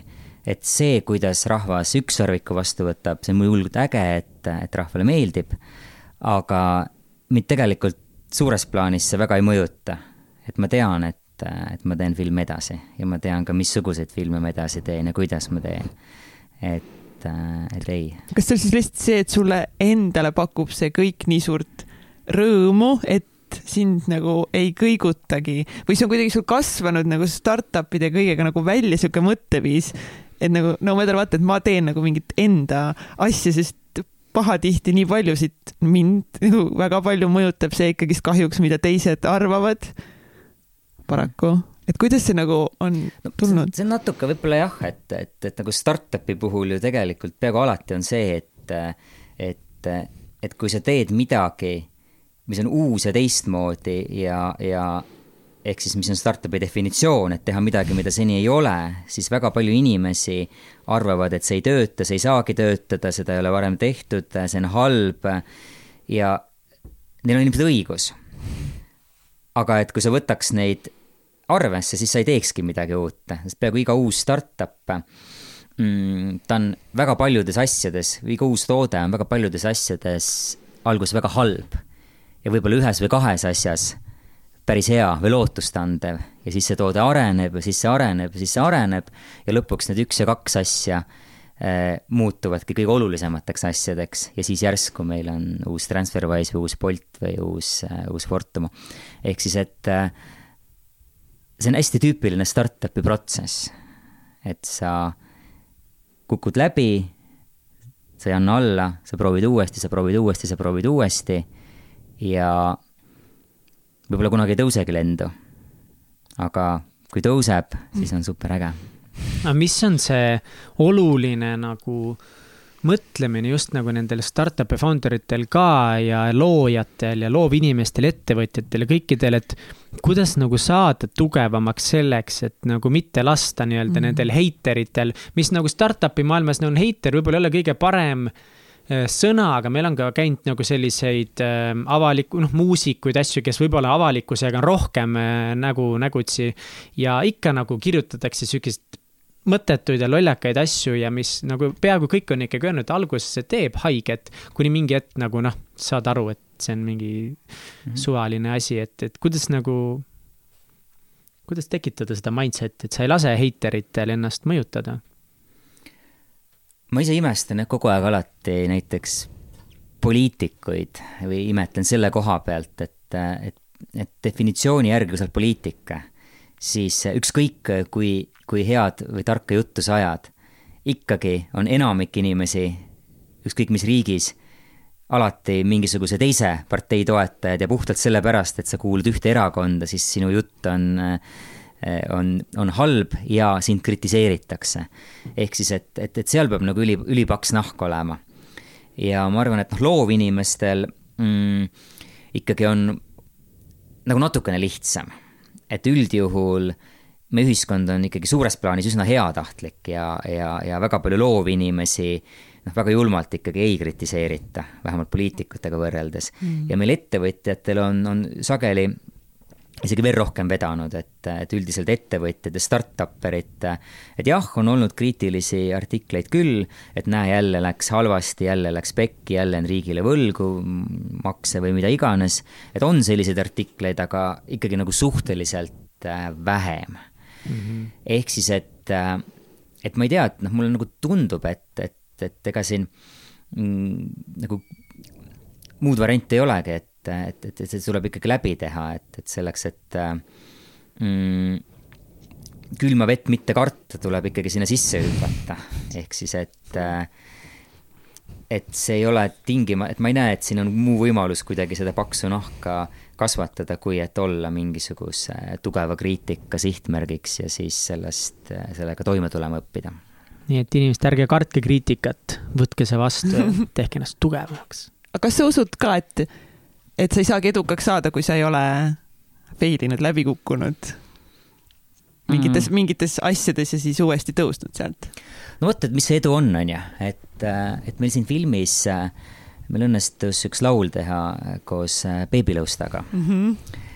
ja selle laulu refrään on, et, et äh, nii, oota, kuidas ta nüüd algaski? see algus või, et äh, tahan. juba väiksena ma unistasin sellest, kuidas saada ah, suureks, suureks ja siis see teine lause on, et suureks saades suureks kasvada ma unustasin mm. -hmm. ja sellel lausel, see on mu lemmik, lemmik, lemmik nagu koht siin laulus Äh, on nii palju erinevaid äh, nagu alatoone ja startup maailmas sageli see alatoon on, üks tõlgendus on ka see, et, et mis sageli juhtub, on see, et sa saad järsku väga edukaks.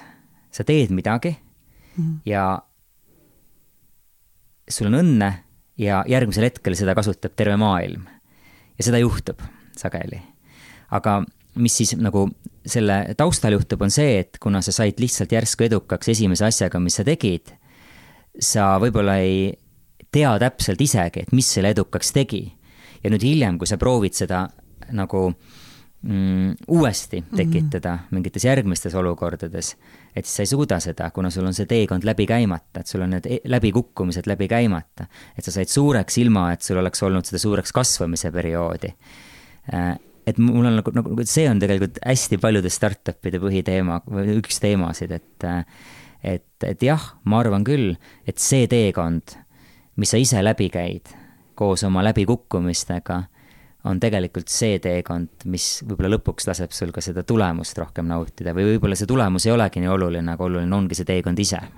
kas sa oskadki ise öelda, millal sinul oli see teekond, kus sina kasvasid suureks mm,? ma ei tea, kas ma olen suureks kasvanud ma arvan, et ma loodan, et ei ole.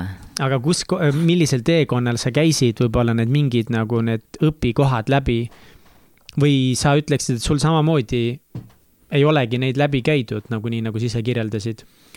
Mm, ma arvan, et on, et noh, kui me räägime nüüd praegu filmi, filmimaailmast, mis on sihuke mu viimaste aastate niisugune nagu uus läbikäidud startup teekond, siis noh, ilmselgelt Ameerika suvi oli väga selge äh, läbikäidud teekond või õppetund ja kui ei oleks Ameerika suve, ei oleks ka ükssarvikut, ehk siis et et, et see teekond on, on olnud väga, väga, väga õpetlik ja väga-väga-väga äge.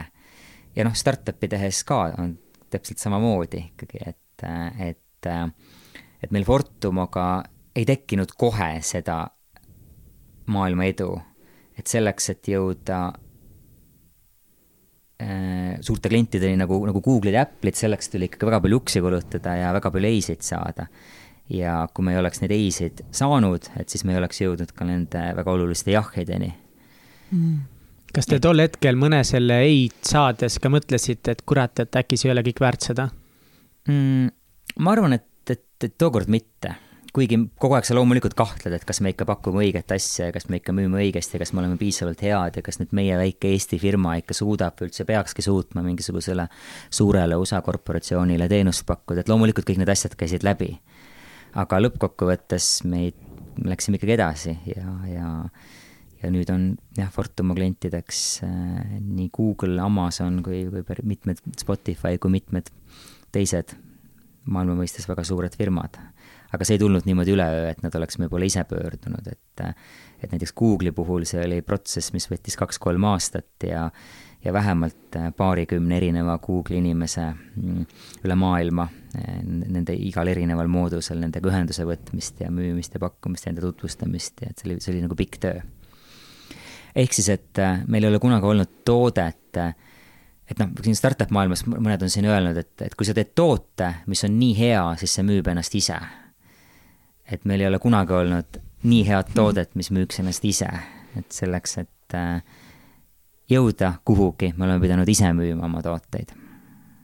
ja see on selle nagu tee läbikäimine. kui sinu, äh, üks su lastest tuleks sinu juurde ühel hetkel, et äh, kuule, et ma tahaks alustada startup'i, kas sa soovitaksid neil seda teekonda ette võtta? mm. -hmm, igal juhul.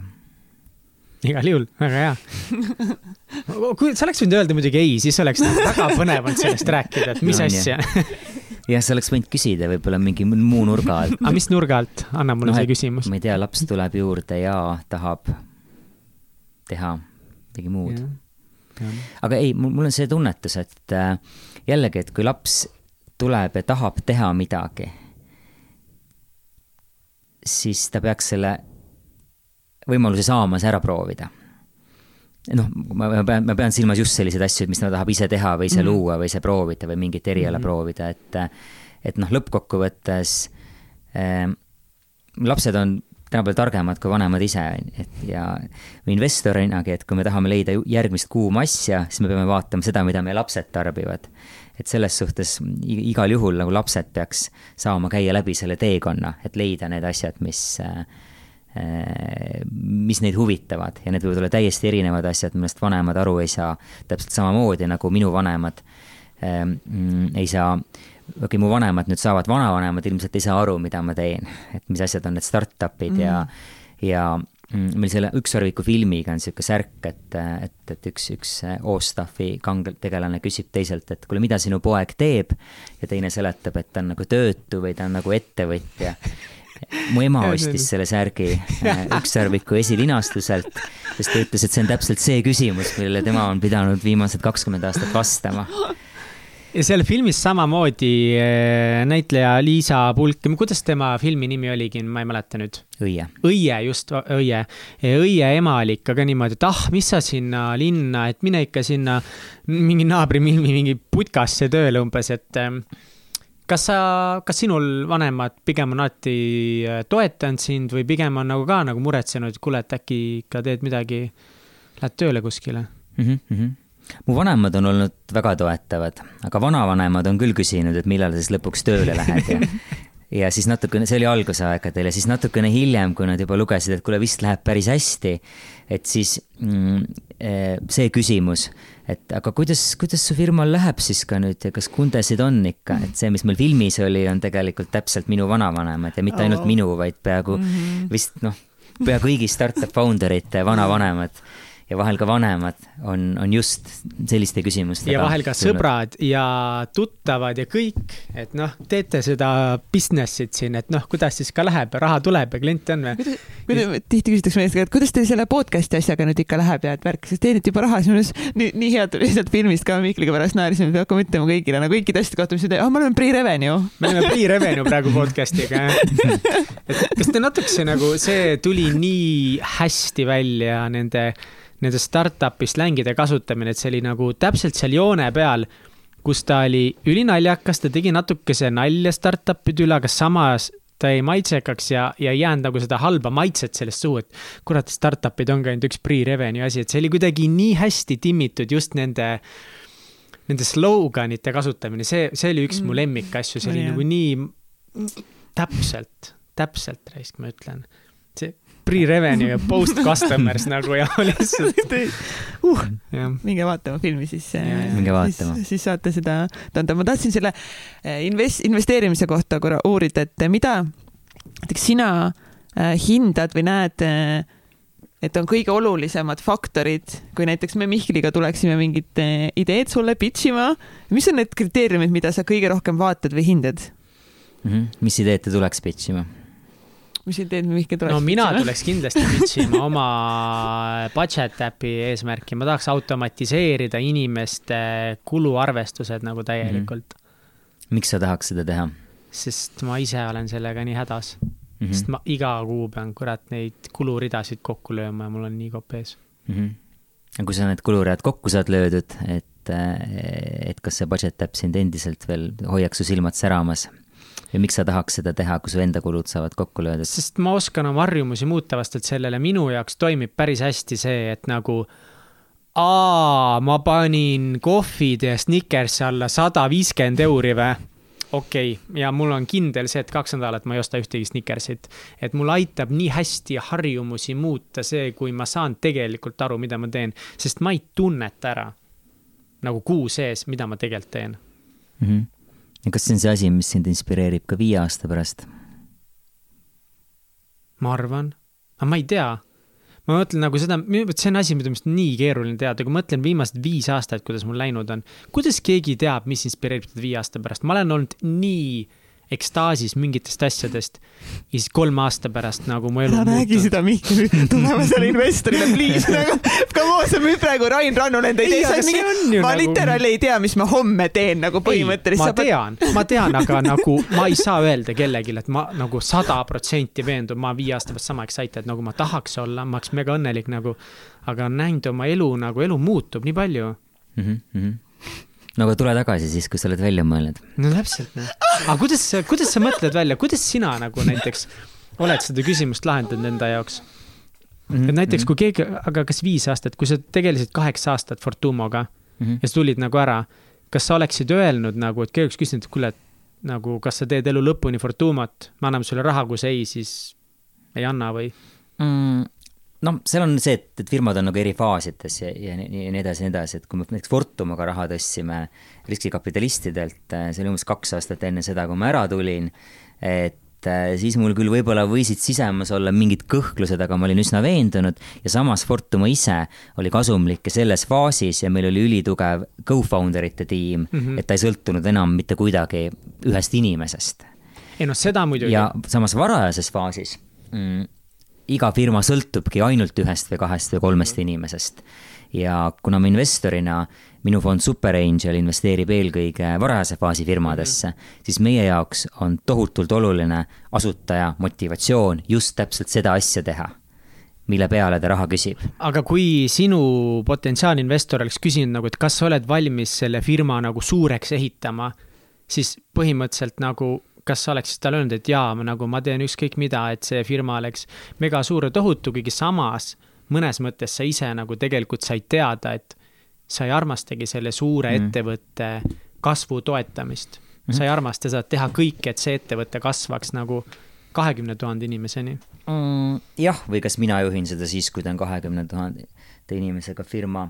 et võib-olla see meie raha tõstmine oli natuke nagu erinev sellest äh, tüüpilisest raha tõstmisest, me tegelikult üldse ei tahtnud neid investoreid võtta, sest me olime, me olime tol hetkel kasumlikud ja meil läks hästi ja meile me tol hetkel väga meeldis, mis me teeme. ja meil tegelikult ei olnud neid investoreid üldse vaja ja me tahtsime neid iga hinna eest minema, minema ajada. ja me ütlesime siis nagu, nad tulid järjest, investorid olid jälle nagu väga persistentid, nad tulid järjest tagasi ja tagasi, et eriti see meie, meie diili juhtinvestor Intel Capitalist oli, oli väga aktiivne. ja me järjest ütlesime, et me ei taha ja siis härra küsis, et okei okay,, aga missugusete tingimuste pealt äh, te siis oleksite nõus? noh, siis me ütlesime mingisugused tingimused, mis meile kõlasid nii absurdselt kõrgelt, et ta niikuinii ei tule nende juurde. ja siis härra alguses ütleski, ei kuule, see on liiga palju, aga nädala pärast tuli tagasi, okei okay,, aga oletame, et me teeksime selliste tingimustega. ja siis me järjest ise hakkasime ka harjuma selle mõttega, et mis oleks, et kui me võtaksime investorid et, et see aitaks meil mm,, kuna me väikse Eesti firmana pidime saama endale suuri kliente, kes olid kõik rahvusvahelised suurkorporatsioonid mm, -hmm. et mis oleks, kui Intel oleks meie investor ja siis tänu sellele, et Inteli bränd on meie firmaga seotud, siis Google ja Facebook võib-olla tunnevad, et see firma on ka aasta või viie või kümne aasta pärast olemas ja mitte ei kao kahe kuu pärast ära. et me nagu tasakesi müüsime endale selle mm. idee maha, et me tegelikult kunagi ei ole pidanud traditsiooniliselt investoritele pitch ima. ja miks me ei ole pidanud pitch ima, on see, et me oleme jõudnud maksvate klientide ja kasumini juba enne oma jõududega ja no. see on kindlasti nagu üks väga väärtuslik asi tegelikult, kui ettevõtted suudavad nagu luua ikkagi midagi, millest inimesed on juba valmis hakata maksma. ma nagu ütleks, et sa veits äh, põiklesid kõrvale mu küsimusest mega osavalt. mis su küsimus oli nagu minu küsimus see, et kui sa oleks öelnud nendele tüüpidele, et äh, jaa, et äh, võtaks üldiselt raha, aga ma tõenäoliselt tulen tegevjuhi kohalt ära, sest ma mm -hmm. ei taha seda enam siis teha, kui see ettevõte suuremaks kasvab. oleks see midagi muutnud mm.? Ma ei tea, kas antud juhul oleks, aga ma arvan, et kui, kui sa sisimas tunned sellist asja, siis sa ei peaks investoritelt raha küsima mm.. aga ongi, point ongi selles, et ma ei tunne sisimas täna sihukest asja, et kui see, kui ma hakkan sellega tegelema, et viie aasta pärast tahaks ära lõpetada mm. -hmm. aga kuulates sinu lugu, siis ma tean, et nagu asju võib juhtuda mm. -hmm, võibki. sa võid mingi hetk leida ennast sellest kohast, et mm -hmm. tegelikult keegi teine võib-olla aitaks sellel ettevõttel veel paremini nagu edasi minna. ja ma tahaks nagu seda, et maailma inimesed teeksid oma rahaasjadega paremaid otsuseid. seda, see peab muutuma, nagu see on jabur, see, see tuleb muuta. aga et nagu, kas ma nagu, kas mina olen see inimene selle ettevõtte otsas nagu mingi kümne aasta pärast, viie aasta pärast? no tahaks olla, kas ei tea, seda ei saa mm -hmm. teada. Nii on, nii on. ei saa teada. ometigi sa nüüd pead veenma investorit ennast, et äh.... tuleb maksvad kliendid saada, et sa ei pea ühtegi investorit veenma me läheme maksvate klientide peale. -hmm. aga jaa, see on, see on hästi oluline, oluline aspekt, et, et, et founder ja see valdkond, sest äkki sa hoopis tahad podcast'i teha ja tahad teha maailma kõige edukama podcast'i mm. -hmm. Ja nad on natukene üksteist välistavad. et äh, nagu mul oli kolm nii-öelda startup'i kakskümmend aastat tagasi, millest tegelikult äh, suht ruttu tuli valida üks.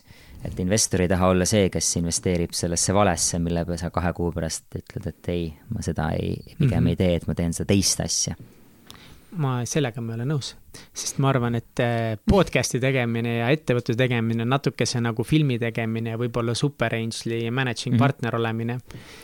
aga muidu ma olen sellega nõus ja tegelikult see on see, nagu elus tuleb mingeid valikuid kindlasti mingeid teha, et nagu me oleme hästi palju arutanud siin saateski inimestega just sellest fookusest ja tasakaalust mm. ja mulle meeldis väga, kuidas sa rääkisid äh, globaalsete eestlaste podcast'is äh, raamatumüügi näitel just sellest, et vahepeal on mingid faasid, kus tuleb nagu rohkem hullu panna.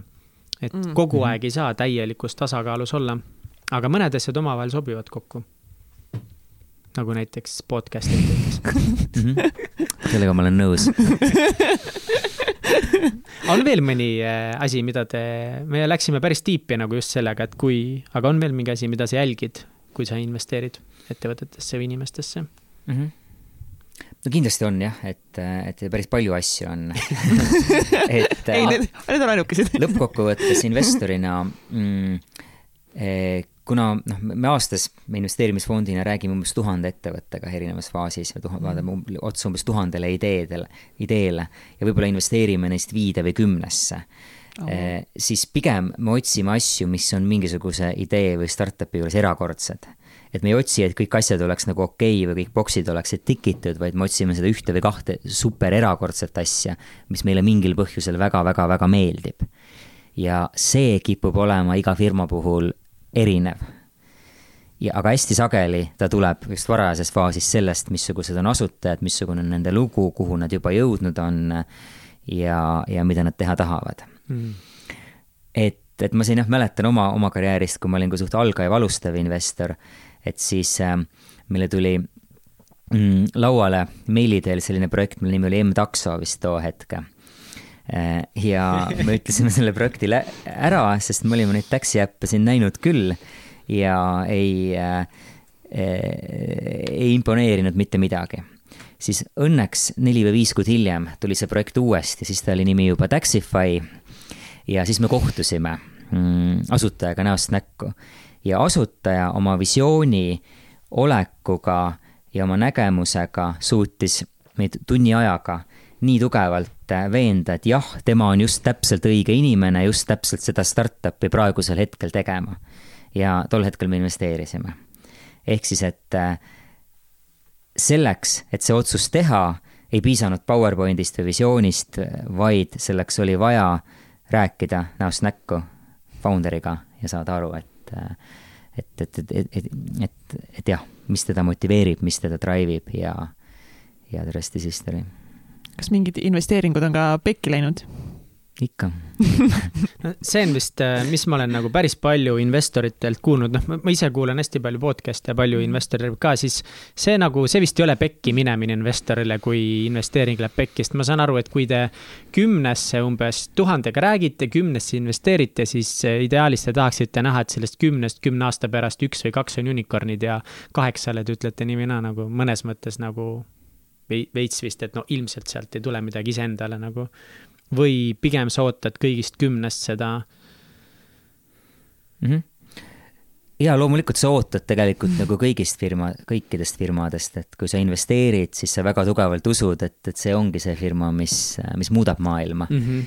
ja investorina, startup'i investorina või investeerimisfondina sa oled jah, edukas, kui mm, kümnest või kahekümnest investeeringust äh, ühel läheb nii hästi, et ta maksab kinni kõigi ülejäänud investeeringute tegemiseks läinud vahendid ja see on hästi-hästi tüüpiline, mis selles maailmas on. kuidas te tulite selle nime peale nagu California hmm.?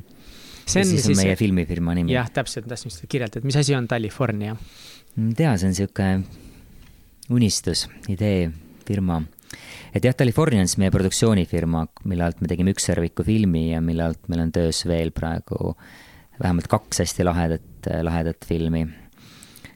et üks, ühe lavastaja on Rasmus Merivoo, selle nimi on Kratt ja teise nimi on Kiik Kirves igavese armastuse puu, mida teevad Meil Paljare ja Urm-, ja Urmet Piiling, noored, noored filmitegijad. et meie visioon Californiaga on teha väga äh, tempokaid, ägedaid filme, mis lõpuks võiksid jõuda Eestist väljapoole, ka globaalse audientsini. ja miks me tahame jõuda Eestist väljapoole, on natuke sama tunne, mis, mis startup'i tehes, et kui sa teed midagi ainult Eesti turu jaoks, siis äh, sellel on, tuleb väga ruttu lagi ette, kuna meil on paraku ainult natukene üle miljoni elaniku. ja selleks, et, et saada seda teha väga kaua või igavesti, siis sa pead jõudma äh, natuke suurema Äh, audientsini. ja samamoodi nagu meie startup idel õnnestus mingi hetk Eestist välja murda, siis ma olen täiesti kindel, et ka meie filmidel õnnestub varem või hiljem Eestist välja murda, kui me ainult seda piisavalt tahame hmm.. mis on sinu jaoks filmimaailmas siis nagu see Skype, see esimene breakthrough või kas on sinu silmis üldse olnud seda Eesti filmimaastikul veel? ei ole, et, et, et ma arvan, et, et see, et et Christopher Nolan filmi, filmis oma filmi Eestis, on väga tugev, mm, et ta võib-olla, tal võib olla mingisugune Skype'i laadne efekt Eesti filmitegijatele, kuna mm. see film näitas, mis on võimalik ja kuhu on võimalik jõuda. ja nüüd on tegelikult meil vaja ehitada selle peale need meie oma Transferwise'id ja Pipedrive'id ja Fortumod, mis siis tegelikult on Eesti tegijate poolt tehtud asjad, mille vaatajaskond on väga palju laiem kui Eesti. kuidas seda saavutada mm,? hea küsimus. see on, kas see on küsimus, mis nagu täna mõnes mõttes ongi nagu üks tähtsamaid küsimusi sinu peas, mida sa lahendad või millele sa mõtled? see on kindlasti üks küsimusi, millele ma mõtlen jaa, absoluutselt mis on veel mõni küsimus, millele sa mõtled mis on see, mis hoiab sind öösiti üleval hmm. jaa, ma õnneks magan praegu öösiti päris hästi, mm, kui just ei pea helistuudios olema. Äh, aga, aga, aga jaa mm,. Eh, jah, et, et see kindlasti, mm, siis, siis ikkagi pigem nagu noh, filmimaailmast ka veel see, et, et kuidas oma järgmisi asju teha, teha võimalikult ägedalt, sõltumata sellest, kas nad murravad välja või mitte. Ähm, ja, ja siis investeerimispoole pealt ikkagi, kuidas, kuidas leida kõige ägedamaid äh, järgmisi Taxify'sid, Bolte ja, ja kuidas neid võimalikult palju aidata, et nad äh, murraksid Eestist välja suurtele turgudele ja, ja, ja, ja neist saaks unicorn'id, et, et need on võib-olla tööalaselt need küsimused. ja kui Nii palju superinglid nagu näevad just Eestis ka seda äh, ma ei tea, turgu veel, kas Eestis on just startup'ide see skeene või maastik nagu kasvamas, pigem vaatate te juba rohkem kuskile mujale? kuidas sa ennustad Eesti käekäiku mm? -hmm. Super Angeli jah, fondiga me, me vaatame näiteks laiemalt kui Eesti mm. -hmm. et me oleme teinud äh, investeeringuid ka mm, Singapuri firmadesse, USA firmadesse, Hollandi ettevõttesse, et, et meie jaoks ei ole oluline niivõrd, et, et tingimata oleks tegu Eesti ettevõttega, kuivõrd et, et me soovime meie, meie enda ja teiste Eesti investorite mm, kapitali investeerida parimatesse founder itesse üle maailma. aga Eestis kahtlemata on meil olnud päris, päris edukas see startup'ide nagu track record viimase kümne aasta jooksul, et kui sa mõtled nagu miljonist elanikkonnaga koosluste peale mm., kust on tulnud veel mm, nagu vähemalt neli miljardise väärtusega ehk unicorn ettevõtet, et neid ei ole maailmas väga palju, et noh, et, et jah, Silicon Valley on hotspot, Iisrael on hotspot, eh, võib-olla siin mm, Stockholm, Helsingi ja mõned veel, aga me, see on pigem erand maailmas kui, kui, kui reegel. ja noh, nüüd küsimus on, et kas järgmise viie aasta jooksul tuleb neid sama palju, et, et me tegelikult keegi ei tea aga praegu vaadata, kus suunas meie startup community, nii, nii ettevõtjad, investorid ja, ja kõik muud tugistruktuurid, kuidas nad arenevad, et ma olen ülioptimistlik, et, et siit tuleb veel väga palju väärtuslikke ettevõtteid uh, siit saaks minna päris poliitiliseks ka veel nagu Eesti poliitolukorda silmas pidades. ärme äkki poliitiliseks ei lähe. ma tahaks korra rääkida,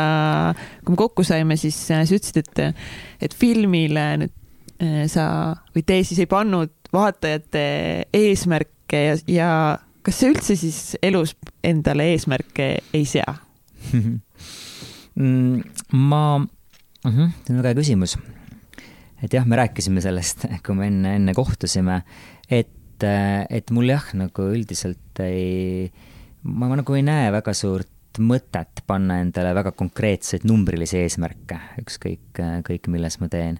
et, et ma pigem on mingi sihuke kauge visioon, mille suunas sa tahad liikuda mm.. Mm. ja on ka mingid konkreetsed asjad, mille, mille oled identifitseerinud, et need viivad selleni. Et noh, näiteks, et, et, et selleks, et, et on kauge visioon, et, et me tahame Californiaga Eesti filmiga maailma murda, siis selleks, et seda teha, tuleb teha filme. Need on konkreetsed eesmärgid. aga mm. nüüd juba see, et kas mingi konkreetne film saab teatud palju vaatajaid või, või kas sellel on mingisugused nagu äh, Mm, või kas ta peab olema mingiks väga täpseks kuupäevaks valmis, no matter what, või et selliseid eesmärke nagu pigem mitte. Ja, ja võib-olla elus laiemalt ka, et mul ei ole mingisugust äh, väga detailset kolme või viie või kümne aasta plaani, vaid äh, on lihtsalt teatud valdkonnad, millega ma tahan tegeleda ja teha neid nii hästi, kui ma vähegi suudan ja oskan ja kogu aeg selle juures õppida ja areneda. ja mul on tunne, et kõik muu hoolitseb endast ise et sa usud ka universumisse või nagu, noh, kuidas seda nimetada, kõrgemasse jõudu, et, et kõik ikkagist lõpuks läheb nii, nagu minema peab, kui sa tegutsed ma ei tea seda, ma ei oska öelda. võib-olla läheb kõik pekki aga sa just, just. ma just ütlesin, et mm, -hmm. et kui eesmärk ei ole, ei saa nagu pekki ka minna, on ju, vaata, et kõik yeah, on okk ja kui eesmärki ei ole, siis ei saa eesmärkidesse fail ida. aga sa sead visioone, mis aitavad sul elus hoida sihti. aga kas sa nädalas paned nagu näiteks mingisugust eesmärki, et oh, selle nädala või päeva eesmärgid või selliseid mm, sead? võib-olla päeva raames aeg-ajalt jaa ja noh, vahel harva ka nädala, nädala raames, aga, aga sageli mulle meeldib, ma olen kõige õnnelikum sellises olukorras, kui, kui mul kalender on üsna tühi või siis ta on kontrollitult tühi, et näiteks ma kohtumisi teen tavaliselt ainult ühel või kahel päeval nädalas ja ülejäänud mm -hmm. päevad üritan tühjana hoida. ja see, kuidas seda tühjust täita, et see juhtub koha peal või juhtub, juhtub parasjagu, et, et sa iga, iga hetk mõtled, et mis on see kõige tähtsam asi, mida praegu võiks teha ja sa teed seda või mis on see asi, mida ma tahan praegu teha ja sa teed seda asja. et äh, mul on tunne, et, et mulle töötab selline meetod palju paremini ja see ei pruugi paljudele teistele inimestele töötada, et mõnele inimesele meeldib kõiki oma tegevusi ja eesmärke väga täpselt kalendris ajastada. Mõnedele meeldib äh, jah, kuidagi olla nagu hästi palju rohkem organiseeritum, aga mulle meeldib pigem, pigem selline olukord, kus mul on hästi palju vabadust igal hetkel otsustada, mida just praegusel hetkel teha mm. -hmm. aga kas see on olnud nüüd hiljutine asi, mida sa kasutad, et või see on olnud kogu aeg niimoodi, kui sa startup idega alustasid või oli siis nagu teistmoodi nende eesmärkidega seadmise ja kõigega mm.? Ma olen ikkagi, me oleme ikka üritanud ja tegelikult firmad, mida me oleme asutanud ja eks iga firma lõpuks äh, võtab mingisuguse teatud protsessi omaks ja, ja see iga, igal firmal on natukene erinev see protsess, mis, mis sellele firmale või kogu sellele kooslusele toimib. ja võib-olla jah, see, et, et kui ma siin enne rääkisin, kuidas seitsmekümne inimese juhtimine mind enam nagu väga ei huvitanud, et võib-olla see natukene tulebki sellest, et et kui, kui sa juhid suuremat organisatsiooni, siis tahes-tahtmata sa pead sättima paika ja ise ka järgima oluliselt rohkemat hulka protsesse kui, kui see, mis ma praegu saan investori ja filmitegijana endale lubada. ehk siis, et, et mul on tunne küll, et, et see, et mul on nädalas tavaliselt viis päeva täiesti tühjad ja võib-olla kaks päeva on kohtumisi täis, et, et see on mingi rütm, mis mul on praegu tekkinud mm. -hmm. kuidas sa õpid? kuidas Rain Ranna õpib. mul on tunne, et sa oled elus äh, teinud ähm, või õigemini, ma arvan, et sa oled elus õppinud väga palju läbi tegevuste, aga kas sa ka kuidagi süsteemselt tegeled enda harimisega mm? -hmm. ja see ikkagi aeg-ajalt jah, et, et põhimeetod on jah, üldiselt see, mille vist Markus Villig, Bolti asutaja, ütles mingi hetk, et, et see on education on demand, on demand education, et kui sul on vaja midagi mm, osata, kui sul on elus mingisugune olukord, et siis sa guugeldad, vaat-, hang-, ammutad endasse kõik need materjalid, mis sa vähegi leiad selle teema kohta, helistad kõigile inimestele, kes seda nagu, nagu jagavad. et mul on tunne, et see on, see on sihuke põhimeetod, mida ma ka nüüd ise kasutan, eriti, eriti filme tehes, et me mõtleme üks samm edasi korraga ja kui meil mingi probleem tekib, siis me üritame selle lahendada samal ajal õppides aga jah, et natuke nagu tulevikku vaatavalt, et, et kuidas, et mm, mul on ka siuksed perioodid, kus ma võib-olla õpin rohkem ja võib-olla iga aasta on siin umbes üks kuu, kus ma tavaliselt õpin rohkem ja see on kuu, mis ma sageli veedan välismaal ja väga sageli kas Californias või Nevadas, kus ma näiteks sõidan autoga, autoga ringi mm, ja ma kuulan hästi palju podcast'e nädala jooksul ja ainult neid kuulangi. või siis aeg-ajalt läbi selliste challenge ite, et eelmine suvi proovisime, proovisin kuu ajaga lugeda läbi iga päev ühe raamatu oh,. Wow. päevas raamatu? päevas raamatu, jah. kuidas sellega läks? Äh, see toimis hullult hästi, umbes pool kuud. et viieteist päevaga ma jõudsin läbi lugeda kaheksateist raamatut wow.. aga, aga siis tulid mul filmivõtted vahele ja ma pidin selle tookord katki jätma. ja nüüd ma otsustasin, et, et, et see on midagi, mida ma tahan regulaarselt teha aastas vähemalt korra või kaks, aga mitte kuu kaupa, vaid, vaid pigem kahe nädala kaupa. kas sa õppisid selle jaoks raamatuid kuidagi teistmoodi lugema? Mm, jaa, ma õppisin kiirlugemise eh, baasmeetodid selgeks. et, eh, et kiirlugemine on selles mõttes huvitav asi, et, eh, et inimese aju suudab infot tegelikult vastu võtta oluliselt kiiremini, kui meil on koolis lugema õpetatud mm. -hmm. ja sageli, kui sa loed nagu raamatut kiirlugemise meetodiga, siis sa ammutad rohkem, sest su aju on kogu aeg nagu mm. engage või fokusseeritud sellele tekstile, mida sa loed ja ta ei lähe rändama.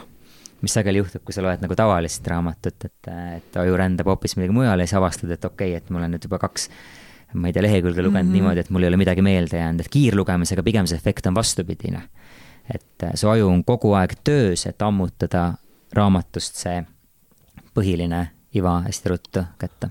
Uh, kui paneb, ma olen hästi palju, okei okay,, hästi palju nüüd liialdus, juba hakkan liialdama siin saate lõpupoole, aga ma olen mõelnud eh, ka selle uurimise kohta, sest ma tunnen, et mind piirab nii väga see, kui kiiresti ma suudan infot vastu võtta raamatust, ma tean, et see on tegelikult nagu võimalik seda kõvasti arendada, kuidas sa nagu, kuidas see käib või kuidas sa alustasid seda või kus sa õppisid seda? Mm, internetist ikkagi, et Lihtsalt vaatasin internetist. erinevaid videosid ja siis proovisid mingeid meetodeid ja mõni neist töötas paremini, mõni töötas kehvemini. kas on mingi teatud meetod, mida keegi võiks praegu otsida, millest oleks hea alustada? Mhm, speed reading ut guugeldades, et, et tuleb päris palju, et seal on jah mingid kindlad tehnoloogiad ja näiteks põhiline on see, et, et sa ajad sõrmega jälgi, järgi, et kas nagu niimoodi iga rida või siis vertikaalselt oh.. et, et sa oled kogu aeg nagu, kuna silm järgib Aa, ja ammutab okay nagu liikuva, liikumise järgi. ja seal on jah, päris palju nagu ägedaid, ägedaid meetodeid. ma mainin küll ära, et äh, ma pigem soovitan seda kasutada mm, mitte juturaamatute või nagu non-fiction raamatute puhul rohkem, et, äh, et sageli, kui sa loed mingit ägedat romaani, siis selle suur osa lõbust ongi see, et sa loed, loed seda nagu rahulikult. sa lähed sinna sisse, oled lost seal kuskil oma maailmas. jah, aga samas, kui sa lood, loed mingisugust äh, harivat õppe või, või, või, või mingit muud, muud sellist raamatut, et siis kiirlugemine on super hea meetod. ülilahe, mul on nii hea meel, et me praegu jõudsime siia, täiega vinge. on küll. on sul veel mingeid siukseid ägedaid äh, trikke, kuidas õppida? kuigi see ongi päris hea viis muidugi, aga mm.. jah, tegelikult väga hästi töötab õppimine kelleltki, kes kes juba oskab ja kui on võimalus selle inimesega rääkida või, või jälgida, kuidas ta mingeid asju teeb, et see on üldiselt kõige parem viis. ja seda me kasutame ise, kui võimalik, kasutan ise, kui võimalik ja me firmades ka, kui meil on uus töötaja, siis me sageli paneme ta mõne oskaja töötajaga koos töötama ja vaatama, kuidas, kuidas asjad käivad, et, et see toimib kes sind äh, täna inspireerib mm,? kes mind täna inspireerib hmm.? see on hea küsimus mm,. kuna ma siin jah, just olen, olen või praegu olen hetkel veel rohkem filmimaailmas sees, et mul siin äh, üks sarvik linastus alles kolm päeva tagasi. et siis võib-olla need eeskujud on ka mm, nagu natuke sellest maailmast, et, et mulle meeldivad mm, mittegi isegi nagu nende filmide pärast, mis nad teevad, aga mulle meeldivad sellised tegelased nagu, nagu J.J. Abrams, kes on eh, ehitanud, ta on siis viimaste mm, nagu seitsmenda, üheksanda Star Warsi enne seda Star tracki režissöör, kes on suutnud ehitada nii-öelda sellise oma, oma, oma universumi, oma produktsioonistuudio, oma nagu, nagu sellise väikese filmimaailma, mis on ühelt poolt äh, väga edukas ettevõte ja teiselt poolt toodab äh, ja teeb täpselt selliseid filme, nagu J.J. Abrams tahab teha mm. -hmm. et, et mulle meeldivad inimesed, kes, või inspireerivad inimesed, kes suudavad äh, mm, luua, kes luues jäävad truuks oma loovale visioonile ja kes ühtlasi suudavad seda ka mingil määral skaleerida selliselt, et see oleks äriliselt edukas, mis võimaldab neil omakorda teha seda edasi igavesti ja sõltumata kellegi välise mm. kontrollist, olgu see väline siis filmide puhul mingi suur filmistuudio või, ähm, või, või jah, kes iganes. ehk siis, et hetkel niimoodi. okei okay., aga mõned filmid, mis on sinu lemmikfilmid lemmikfilmid? jaa um,. Viimase aja filmielamused äh, on ja sellel aastal mulle väga meeldis uus Tarantino oh. Yes. ja. mulle ka hullult meeldis ja ma tean, et nii paljudele ei meeldinud see mm. -hmm. mulle meeldis, see oli nii, nii positiivne film, nagu nii oh, äge, nagu mulle meeldis see Tarantino julgus ikkagi teha nagu läbini positiivne lõpp ja positiivne film ja enne seda, võib-olla ma olengi selles moodis, et enne seda eelmine sihuke väga positiivne film, mis mulle hullult palju muljet avaldas, oli, oli Beach Bum või Rannaparm. Matthew McConaughey'ga peaosas, Harmony Corinne'i film, mis tuli ka sel aastal välja ja meie kinodest paraku hästi kiiresti ära kadus mm. -hmm. et jällegi mm, see on oma, oma žanrilt sihuke stoner comedy aga ta oli selles mõttes äge, et äh, esiteks Matthew McConaughey suurepärane rollisooritus ja hullult ilusad visuaalid ja muusika, aga, aga see põhisõnum, et äh, ükskõik, mis maailmas või su elus halvasti on, kui sa ise sellest välja ei tee ja kui sa oled ise positiivne, siis tegelikult on kõik hästi.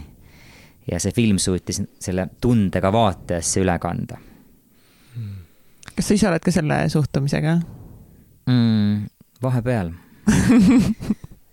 nii, Katja, kas tead, mis aeg nüüd on? ei ole. nii, küsi, mis sa tahad küsida. mul on nagu veel umbes paar asja, mida ma tahaks, mis teemasid ma tahaks korra puudutada, ennem kui me siia täitsa lõppu suundume. nii natuke tahaks rääkida eh, sinu vaimsemast maailmast või nagu mõttelaadist, et kas ja kui palju sa näiteks mediteerid või tegeled meditatsiooniga mm? -hmm. ma meditatsiooniga otseselt ei tegele ma aeg-ajalt kasutan teatud meditatsiooni nippe, näiteks kui ma olen duši all või kui ma jooksen või vahel ka autoroolis. mis nippe sa kasutad? noh, näiteks seda, et, et autoroolis üritad lülitada kõik mõtted välja, lihtsalt jälgida, mis ümber toimub ja ainult nagu vaadata, vaadata ringi okay.. ja mis siis sageli juhtub, on see, et, et umbes kümne või kahekümne või kolmekümne sekundi pärast tuleb sul mingisugune täiesti äh, ootamatu mõte, mida sa, mida sa ei oodanud. ja sa ei tea, kust ta tuli, aga ta, ta kuskilt sinu seest tuleb. joostes samamoodi, et kui üritad oma mõtted välja lülitada, samas tehes mingisugust rütmilist tegevust, et, et siis mingi hetk võib vallanduda mingi mõte või idee või mingi asi, mis ei tule kuskilt väljastpoolt, vaid tulebki täpselt sinu seest. aga kas on veel mingeid, mingeid niisuguseid praktikaid, mida sa harjutad või kuidas sa iseennast näiteks motiveerid või tuleb see juba kuidagi sul loom-, loomulikult tegema võib-olla niisuguseid ülesandeid, mida sa väga võib-olla ei tahaks teha ma üritan selliseid ülesandeid järjest rohkem elimineerida oma elust, mida ma nagu tegelikult ei taha teha. et jah, loomulikult neid, neid, neid on aeg-ajalt vaja teha ja noh, mingid asjad, mida sa võib-olla pikaajaliselt tahad teha, aga just praegusel hetkel ei taha teha et, et neid, nende puhul ma nagu ülemäära ei stressa, et, et ma teen siis praegu asja, mida ma tahan teha ja mm -hmm. mida on mhm. vaja teha ja võib-olla homme mul on tahtmine teha just täpselt seda asja, mida ma täna ei tahtnud teha ja mida on vaja teha.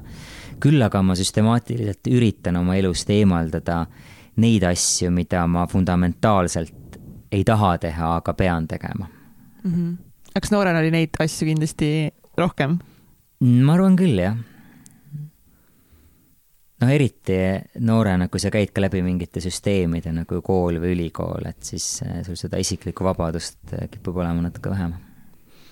või kui sa käid tööl mm. -hmm kindlasti alguses alustades startup'iga või enda ettevõttega, siis sa lihtsalt oled vahel nii-öelda sunnitud kindlasti tegema ka mingeid asju mm. -hmm. et mhm. kuidas siis ennast nii-öelda noh, sundivad neid tegema või et kas sa nagu ütled endale midagi, et see on nagu praegu mingid asjad, mida ma nagu pean tegema või mida teised, kuidas nad võiksid suhtuda? pigem see oli see, mis ma siin enne ütlesin praegu filmi kohta, et, et seal on, et praegu ma naudin filmi tegemist, kuna siin on hästi palju probleeme, aga ma naudin nende probleemide lahendamist, et kunagi, kui ma startup'e tegin alguses, siis oli enamus probleemid, mis startup'il ette tulid, just täpselt need probleemid, mille lahendamist ma nautisin ja selles mõttes oli nagu äge, et, et kui sa teed jah midagi, mis silmad särama mm -hmm. paneb, siis kuidagi nagu läheb lihtsamalt elu nii et Kats, no kõik need asjad, mida sa teha ei taha, äkki sa ei peakski tegema neid? tuleb full cancel panna Full cancel see vist oli selles samas Steve Jobsi kõnes, mida sa enne tsiteerisid, oli ka selle kohta vist üks, üks koht. et kui sa hommikul ärkad, vaatad peeglisse ja, ja, ja, ja sa ei ole rahul sellega, mis sulle vastu vaatab, et siis sa pead midagi muutma. siis muuda mm. -hmm. muuda, just mm. -hmm aga ma, ma, ma oot. Rain teab häid kõnesid. jaa, Rain teab ja sellepärast, kuna Rain on siin, siis ma veel korra paar minutit küsin paar asja. et äh, mida sa, mis nõu sa annaksid äh, meie kuulajale, kes on mõelnud, et ta tahaks ka enda kas startup'i või muud ettevõtet äh, alustada, siis millised oleksid sinupoolsed nõuanded talle, et kust ta võiks alustada või mida ta võiks teha, kui on natuke võib-olla hirm just selle läbikukkumise ja, ja et see saab olema raske teekond mm? -hmm. ma arvan, et iga teekond on, mis on väärt läbikäimist, on, on raske, aga et tasub teha esimene samm. ja võib-olla nagu mõtlemata väga sellele, et kõikidele sammudele, mis veel teha tuleb, et mõelda ainult sellele esimesele sammule, et teha see esimene samm ja kui seda üksi ei, ei julge teha, siis ma soovitan Garage neljakümne kaheksa nimelisele üritusele tulla. et need on häkatonid, mis siis toimuvad nüüd juba mm, siin paarikümnes riigis, aga Eestis ka umbes, ma arvan, pakun praegu umbes kümme korda aastas, kus siis tullaksegi nädalavahetuseks kokku, noh, täpselt nagu filmis, seal meil oli ükssarviku filmis meil oli Rocket nelikümmend kaheksa, et päriselus on Garage nelikümmend kaheksa, eh, kus siis põhimõtteliselt sa kohtud teiste ägedate inimestega, võib-olla sul on enda mõte, võib-olla sa leiad kellegi teise mõtte piisavalt inspireeriva ja seal ei ole mitte mingeid kohustusi, et kui sellest tuleb startup, super tore, kui mitte, siis vähemalt sa saad kogemuse, võib-olla saad uusi sõpru-tuttavaid ja esmaspäeval lähed täiesti uue energiaga tööle. aga mida teha siis, kui, kui mul on, kui mul on raske olukord, ükskõik kas isiklikus elus või või ettevõttes, kui ma tõesti tunnen, et nagu, et mul on nagu raske ja kõik on pekkis mm. -hmm. ja mis, mis oleks sinu nagu nõuanne näiteks mulle? aga ma tunnen, et see on üks õige asi, mida ma nagu peaksin tegema, aga praegu on lihtsalt nagu literally on nagu mega raske mm. -hmm. ma ei tea, naudi seda olukorda ja ürita mõelda, et, et see on ainus koht, kus on võimalik või kus tavaliselt juhtub või, või sa saad alge millekski uueks kui sul on kõik pekkis. Need on need kohad, kus tavaliselt leiab aset mingi muutus, millel on püsiv mõju. kui kõik on hästi, siis üldiselt sa ei muuda midagi, sa lähed samamoodi edasi. jaa. kõik on pekkis, siis hakkab, algab sageli või võib alata midagi täiesti uut põnevat, millest sul ei ole õrna aimugi, et see, see võiks juhtuda. et mitte pigem karta neid raskeid hetki ja väljakutseid, vaid äh, kõik läheb mööda, see läheb mööda. ka see hetk möödub. Katrin, kõik valu on mööduv Egert, kõik valu on mööduv ja see tee on katki. aga nüüd eh, no, kell on sealmaal. nüüd no, nüüd me läheme. jaa, okei okay,, sorry. ei, see on väga hea, ma armastan sind, Kat, see oli super. see oli hea, ma sain praegu, kirjutasin, ma kirjutasin praegu rohkem ülesse, kui ma kirjutasin esimese poole peale rohkem ülesse, nii et. Rain, oled sa valmis? nii. paar. kas sul on, meil nagu, meil on välkküsimused, nüüd tuleb veel, nüüd tuleb välkküsimused. ja need on, need on küsimused, mida me küsime kõikidelt meie külalistelt lõpus mm. -hmm. kas sul on olulisi rutiine või harjumusi, mida sa teed igapäevaselt või iganädalaselt? kohvi yes.. palju kohvi. kas musta kohvi? Mm, kui hea kohvi, siis mustalt. milles sa väga hea ei ole? Oi, väga paljudes asjades mille üle sa oled kõige uhkem oma elus mm,? raske öelda, ma ei ole, ma ei ole niimoodi mõelnud. üllatav, cool. no mis teeb su südame kõige õnnelikumaks või rõõmsamaks, kui sa mõtled kõikide oma elu saavutuste üle? Ma arvan, et, et need asjad, mis äh, mille nimel on palju vaeva nähtud ja mis nagu, nagu juhtuvad ja mis ka inimestele või teistele korda lähevad, mul, minu ümber olevatele olulistele inimestele ja, ja võib-olla laiemalt. aga mis on kõige pöörasem asi, mis sa elus teinud oled ja kas sa teeksid seda uuesti hmm.? kõige pöörasem asi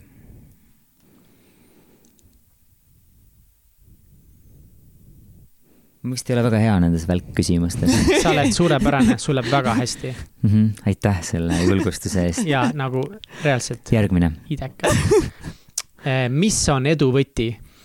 mis on edu võti? ma arvan. lihtne küsimus. lihtne küsimus jah. ma arvan, et edu võti on, on teha võimalikult palju oma elust neid asju, mida sa tõsiselt naudid mis tõsiselt korda lähevad, nagu südamest naudid, mitte siuksed nagu tingimata sellised hedonistlikud naudingud, vaid need, mis sihukest sügavat rahulolu pakuvad mm. skaala küsimus, jah? skaala küsimus. skaalal ühest kümneni, kui veider sa oled? kui veider ma olen? jah, kümme siis nagu. pean ise hindama, jah. sa pead ise hindama, keegi ja. teine ei hinda. no ma loodan, et seal kuskil kaheksa või vaba, võiks nagu vabalt olla ära. super. ja meie viimase küsimuse vastust me juba teame kas ja kui palju raamatuid sa loed, siis sa loed vist palju mm. -hmm. mingitel perioodidel loen palju. mingitel perioodidel. mingitel hästi vähe.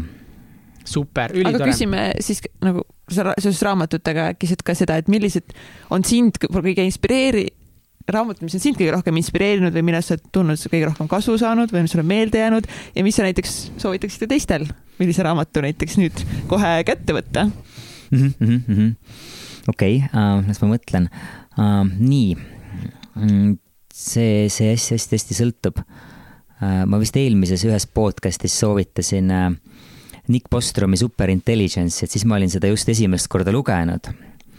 ja nüüd ma soovitan seda endiselt uh,. ja põhjus, miks ma nüüd soovitan, on see, et, et seda ma loen nüüd uuesti-uuesti üle, kuna uh, kuna sellel on väike seos ka mu järgmise filmiga, mida ma teen uh.. aga et Nick Super Bostrom Super Intelligence on kindlasti raamat, mida, mida endiselt soovitan cool.. jah, küta, küta., mis meil seal on? meil on siin eh, Million Mindseti poolt eh, eh, sulle valida kingituseks oh. üks raamat, ma loodan, et sa ei ole siit midagi lugenud kõike, võib-olla. üks on Nutikaks, terveks ja rikkaks by Randy Cage siis on Hoiak, Earl Nightingale'i oma ja John Maxwelli oma viisteist hindamatut kasvuseadust. no näed, ei ole ühtegi lugenud. super, ainult head uudised no nii, ma pean vist ühe valima. ühe pead valima. nutikaks, terveks ja rikkaks. kas kõigil on samad raamatud või? valik on peaaegu või mis mõttes? meil, meil on ikka teistel on, meil, meil on ikka suurem valik olnud, need on praegu, mis on. ma ei saanud küsimusest aru kas kõigil külalistele pakutakse samu raamatuid? ei ah,, ei, ei, need on selles mõttes kuidagi nagu. sarnased, mõned ei, on samad, mõned on erinevad. aga ei ole niimoodi, et ma nüüd istun maha ja vaatan, et millise raamatu ma annan sulle valikusse või et mis kotist nagu tulevad no,. kotist randomly tulevad. jaa, just. okei okay,, siin on siis viisteist hindamatut kasvuseadust äh,, nutikaks, terveks ja rikkaks ja hoiak äh, I can't, I can, I can't, sul on igal juhul õigus. sa kas suudad või ei suuda, kõik sõltub sinu hoiakust võtan selle, selle viimase. Uh,. super. Uh, Rain Rannu, nagu äh, see oli episood, mida ma olin oodanud äh, kõige rohkem peaaegu viimase, ma ei tea, aasta aja jooksul. Yes.. ja mul on nii hea meel, et sa olid kohe nõus meile ka saatesse tulema, kui me sinuga ühendust võtsime, mis tegi mu südame nii rõõmsaks. ja mina sain täna nii palju häid mõtteid sinult, ma loodan, et me kuulajad said äh, Kats jälle küttis väga häid asju, mida kõik saavad kõrva taha jätta Rain Rannu, nagu aitäh sulle. tõsiselt en, aitäh. enne veel, et kus meie kuulajad saavad sinu tegemistel silma peal hoida mm? -hmm. meil on siin erinevad leheküljed Facebookis, Instagramis, Twitteris, siis superangel.io on meil fondi lehekülg ja California.com on meil filmifirma lehekülg. ja üks Sarvik, minge kõik vaatama ülinaljakas. minge kindlalt vaatama, toetage Eesti filmi, Eesti, Eesti huumorit, eks ole. Ja absoluutselt. Ja minu poolt ka suur aitäh, mul oli reaalselt ma võib-olla ütlen seda natuke tihti, et nagu lihtsalt nagu nii hea episood oli, aga nagu ma täna tunnen, et ma ise sain hästi palju enda jaoks väärtuslikku informatsiooni. ma loodan, et sina, kallis kuulaja, ka said siit nagu päriselt midagi, mis aitab sul enda unistusi, eesmärke ellu viia ja tegutseda veel julgemalt, nagu teeb seda Rain Rannu, nii et äh, aitäh kuulamast, aitäh, Rain! aitäh teile! Buum ja Boom. head teist hooaega! head teist hooaega, jee!